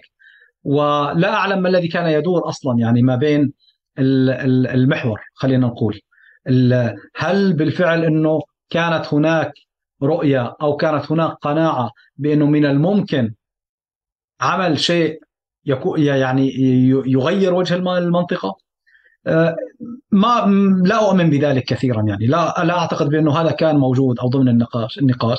لكن على الأقل كانت هناك فكرة باعتقادي لها علاقة بأنه إسرائيل لن تستطيع وستحسب حسابات لتعدد الجبهات. هذا هذا شو سببه؟ سببه حادثة حصلت تحليل أيضا سببه حادثة حصلت في رمضان الماضي. عندما آه، طبعا قبلها في 21 في عام 2021 عندما يعني تركزت الاعتداءات على حي الشيخ جراح حرب في غزة أوقفت هذه الاعتداءات نسبيا وأعادت خلط الموازين وأربكت إسرائيل فعلا وأصبحت إسرائيل تخشى بأنه إذا عملت شيء بالضفة من الممكن تدفع ثمنه في غزة أو العكس. بعدها في رمضان السنة الماضية أيضا تركزت الاعتداءات الإسرائيلية في المسجد الأقصى بشكل كبير جدا. وكانت غزة يعني يجب أن ترد لأنه هي ردت وعملت سابقة في في في أكتوبر في ماي 2021 وبالتالي أصبح مطالب من الجمهور أو من الحالة العامة بأنه أنت عندك قوة عندك مقاومة وأنت اللي بتصدر نفسك كمقاومه لماذا لا ترد على الاعتداءات الإسرائيلية؟ لكن أي رد من غزة كان سيكلف حرب. فحصلت ضربه من لبنان ومن سوريا. عشرات الصواريخ انطلقت من لبنان وانطلقت من سوريا أوقفت الاعتداءات. ليش؟ لأنه هي أعادت خلط الحسابات الإسرائيلية. بأنه من الممكن أن تفتح جبهة أخرى قد يكون الردع فيها غير ناجز زي ما هو ناجز في غزة. هم اعتبروا انه الردع ناجز في غزة وبالتالي غزة تدرك بانه أي محاولة رد على الاعتداءات قد يكلفها حرب. وفعلا الضربة التي حصلت من لبنان ومن سوريا في في ذلك الوقت عدة صواريخ أربكت حسابات الإسرائيليين أوقفوا الاعتداءات وأعفت غزة من حرب طاحنة في ذلك الوقت. هذه المؤشرات ربما تكون قد تراكمت بأن إسرائيل ستكون قلقة وستعد للعشرة مليون مرة قبل أن تفتح جبهة خوفا من تعدد الجبهات. اعتبروا أن مثل هذه العملية قد تحرك حزب الله بالشكل الحالي ليس أكثر من ذلك. ما بعتقد أنه كان في تصورات أكثر من ذلك حتى عند حلفاء حزب الله حزب الله. بأنه مثل هذه التدخل من لبنان من سوريا آه، الآن مثلا الفصائل العراقية أو غير ذلك من الممكن أن تربك الحسابات وأن تجعل رد الفعل رد محدود. حتى لو كان واسع النطاق لكن ممكن يكون مثل جولة 2014 ليس أكثر من ذلك. أنا باعتقادي هذه الحسابات التي التي أخطأت. إذا كانت هذه الحسابات هي الصحيحة هو بالنهاية تحليل. لكن إذا كانت هذه الحسابات فهذه الحسابات واضح أنها أخطأت. و... وأنه اليوم ردة الفعل هي أوسع بكثير من هذا الموضوع. وأنه اللي حصل في 7 أكتوبر مثل تهديد وجودي يلغي كل الحسابات الإسرائيلية اللي كان من الممكن تضعها عندما تتعامل مع تهديدات أمنية. لكن إسرائيل اليوم تتعامل مع مع تهديد اعتبرته ووصفته وعرفته على أنه تهديد وجودي. طارق ال ال ال النفي ال بتعرف التصريحات الأولى اللي طلعت قالت تنفي فعليا معرفتها يعني الإيرانيين وحتى حزب الله نفى معرفته بالمخطط من قبل نفى معرفته بال بكل العملية وأكدوا على إنه هذه العملية عملية فلسطينية صرف. الآن هذا سياسيا كان للنأي بأنفسهم عن عن هذه العملية أو للتأكيد على فلسطينيتها يعني على هويتها. آه، لا أنا باعتقادي هذا هذا حقيقي. هذا حقيقي لعدة أسباب. أول شيء حقيقي فعلا ولكن التأكيد آه. عليه طارق. آه، قصدك التأكيد عليه ايرانيا؟ التأكيد عليه ايرانيا طبعا إيه طبعا طبعا إيران إيران كانت معنية بشكل كبير جدا بالنهي بنفسها عن عن هذا الموضوع لأنه صار في تهديد إقليمي. يعني تحركت حاملات طائرات أمريكية والأمريكان بدأوا يتكلموا إنه إحنا بنفحص علاقة إيران في الموضوع. وفعلا فيما بعد خرجت تقارير استخبارية كثيرا عن عن جهات استخبارية أمريكية وإسرائيلية وغير ذلك قالوا بأنه إيران فعلا لا علم لها بالموضوع. وتاكد هذا الموضوع يعني باعتقادي موضوع العلم الإيراني من عدمه آه، استخباريا من الممكن أن يتم التأكد منه فيما بعد يعني والعملية ربما لولا الاعتبار السري والاعتبار الاستخباري ربما لا أبلغت إيران فيه قبل ذلك لكن هو أعتقد هو الاعتبارات عملياتية خلينا نقول هي التي منعت بأن تبلغ أطراف جوهرية وأساسية بما فيها المكتب السياسي لحماس. أوكي على مستوى على مستوى سياسي إيران قاعدة بتستفيد اليوم لا شك إيران إذا أنت لاحظت قبل قبل 7 أكتوبر إيران كانت معنية بشكل كبير جدا في دعم آه، حالة الاضطراب الموجود في الضفة الغربية. الفترة الماضية حتى حتى ليست فترة الشهور الماضية ربما فترة السنتين الماضية. في كانت محاولات إيرانية حثيثة لإشعال الضفة الغربية ولتحقيق أعلى حالة اضطراب في الضفة الغربية، ليش؟ لاعتبارين، الاعتبار الأول أنه هي هذه المساحة التي ترى بانه المشاغلة فيها ممكنة بخلاف غزة، غزة أصبح الردع فيها استراتيجي. ضربة تشكل حرب. أو خرق قواعد الاشتباك يؤدي إلى حرب. في الضفة الغربية هاي القاعدة غير موجودة. فبالتالي حاولت إيران أن تدعم حالات كثيرة جدا في هذا الموضوع وتكلموا عنها الإسرائيليين وتقارير استخبارية كثيرة جدا عن هذا الموضوع.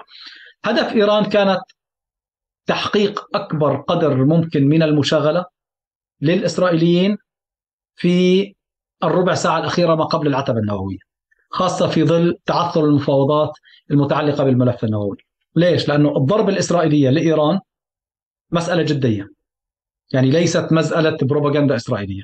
إسرائيل جادة في هذا الموضوع. إذا لم يتم التوصل إلى اتفاق يمنع إيران من امتلاك سلاح نووي ستقوم بأي شيء. شو ما كانت خسائره وشو ما كانت ردوده من أجل ضرب المفاعلات النووية الإيرانية. إيران كانت معنية بهذه المشاغلة. مثل هذه الحرب أنا بعتقد فرصة آه، أكثر من ذهبية بالنسبة لإيران. ولا نعلم أصلا ما هو سلوك إيران خلال الستين يوم الماضيات فيما يتعلق بملفها النووي. لأنه العالم ما انشغل بس عن إيران. انشغل عن روسيا وأوكرانيا انشغل عن عن الأزمة الاقتصادية انشغل عن أزمات كثيرة موجودة في العالم وركز في الأزمة الموجودة في في في المنطقة اللي لها علاقة بالحرب الإسرائيلية على غزة. أنا بدي أترك لك المايك آه، إذا في شيء بدك تأكد عليه تنفيه آخر لحظة. أو بدك تضيفه قبل ما ننهي الحوار. حقيقة ما في شيء. آه، اللي ممكن أضيفه أو أأكده أنه وضعنا الفلسطيني اليوم وضع معقد بشكل كبير جدا. لا يمكن آه، فرزه أو محاكمته من خلال العلاقة مع هذا الطرف أو مع ذاك الطرف. خاصة فيما يتعلق بالحالات اللي أصلا هي بطبيعة الحال تحت ضغط. يعني تحت ضغط احتلال تحت ضغط حصار تحت ضغط ربما أكثر من ذلك يعني. فالمشهد الفلسطيني مشهد اليوم أكثر تعقيدا. حتى حتى حالة الفرز الداخلية الفلسطينية لا يمكن تصويرها على أنه هي اليوم حالة فرز بين فتح وحماس أو أنه في حالة انقسام بين كذا وكذا. ترى آه، آه، السلطة الفلسطينية اليوم تعاني من أزمة ليس فقط حماس. الحالة الفلسطينية كلها تعاني من أزمة. اليوم هناك ذوبان لهيبة السلطة سياسيا وأمنيا في الضفة الغربية. ومن هذا الباب يتم التشكيك في قدرة السلطة على إدارة قطاع غزة ما بعد الحرب. وبمعنى الشخصية الفلسطينية عموما تتعرض لأزمة وجودية أيضا. مثل هذه الحرب التي أعادت وضع العنوان الفلسطيني على كعنوان رئيسي على مستوى العالم بغض النظر عن آثاره المدمرة بغض النظر عن عن النتائج اللي ممكن يخرج منها. أنا بعتقد قضية إنه هذه الحرب تقضي على حماس أو لا تقضي على حماس أعتقد هذا تفصيل. المسألة الفلسطينية أكبر من ذلك بأنه هذه الحرب يجب أن لا تنتهي. إلا بإعادة إنتاج العنوان الفلسطيني على مستوى عالمي من أجل التوصل إلى حل يحفظ حقوق الشعب الفلسطيني بحماس أو بدون حماس بالسلطة أو بدون السلطة بفصائل أو بدون فصائل بإيران أو بدون إيران. هذا أعتقد المهم جدا. في التجربة التاريخية بتعلمنا إنه إحنا لسنا جيدين في الاستثمار السياسي. يعني بعد حرب 2021 بعد حرب 2014 بعد فوز آه، حماس مثلا بالانتخابات. يا سيدي بعد أوسلو نفسه. ما كان عندنا قدرة كفلسطينيين على استثمار سياسي يعزز العنوان الفلسطيني أو يساهم في امتداداته بحيث يقويه أو آه، يساهم في الوصول إلى خلينا نقول تسوية عادلة إلى صيغة مناسبة تحفظ حقوق الشعب الفلسطيني. وهي مسألة لازم نتنبه لها أنه هذه الحرب بكل مأساويتها آه، لكن صعدت العنوان الفلسطيني إلى أعلى مستوى ربما ربما في تاريخ القضية الفلسطينية. يعني في فترات سخونة كانت كبيرة جدا أيام منظمة التحرير في السبعينيات والثمانينيات لكن باعتقادي لم يصعد العنوان الفلسطيني إلى السطح على مستوى عالمي كما صعد في هذه الحرب. وهذه تستوجب أن يكون في استعداد حقيقي من أجل استثمار بغض النظر هذه الدماء التي آه، تراق اليوم في غزة يجب أن لا تذهب هباء إذا ما كنا قادرين على استثمار دماء شهدائنا من أجل تحقيق عدالة لهذا الشعب الذي يظلم وتنتهك حرماته كل يوم أنا أعتقد يجب أن نعيد التفكير أصلا في في أصل في أصل النقاش وأصل النضال وكيفية وإعادة إنتاجه بشكل مختلف. شكرا شكرا جزيلا طارق يعطيك العافية. شكرا أحمد يعني الله يعطيك العافية. آه، هذا من الحوارات اللي بيطلع الواحد فيه بأسئلة أكثر من أجوبة بس على الأقل آه، صار في هيك معلومات مفتاحية أو تحليل مفتاحي لنقدر نفهم التصريحات اللي تتعلق في إيران وكمان المطالبات مستواها محدوديتها وكمان يعني آفاق العلاقة هذه لوين ممكن يروح. شكرا جزيلا لك. شكرا أحمد تحياتي. شكرا جزيلا لكم يعطيكم العافية. بتمنى يعني آه، تكونوا حصلتوا مثلي على بعض الأجوبة اللي بتتعلق بالعلاقة مع إيران بشكل أساسي اللي بت بتخليناش نرفع سقف التوقعات كثير وبنفس الوقت نفهم قواعد القواعد اللي بتنظم هذه العلاقة.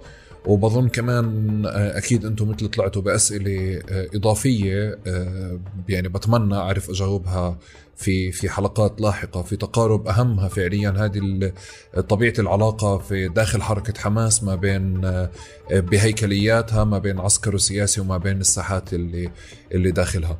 آه، قبل ما أنهي بدي أرجع أذكركم وأشكركم مقدما على اشتراككم بقناه اليوتيوب قنوات الاستماع ومشاركتكم هذا المحتوى والأهم شكرا مقدما على مشاركتكم مقترحاتكم للمواضيع للضيوف للأسئلة وأي انطباعات. وشكرا جزيلا لكم.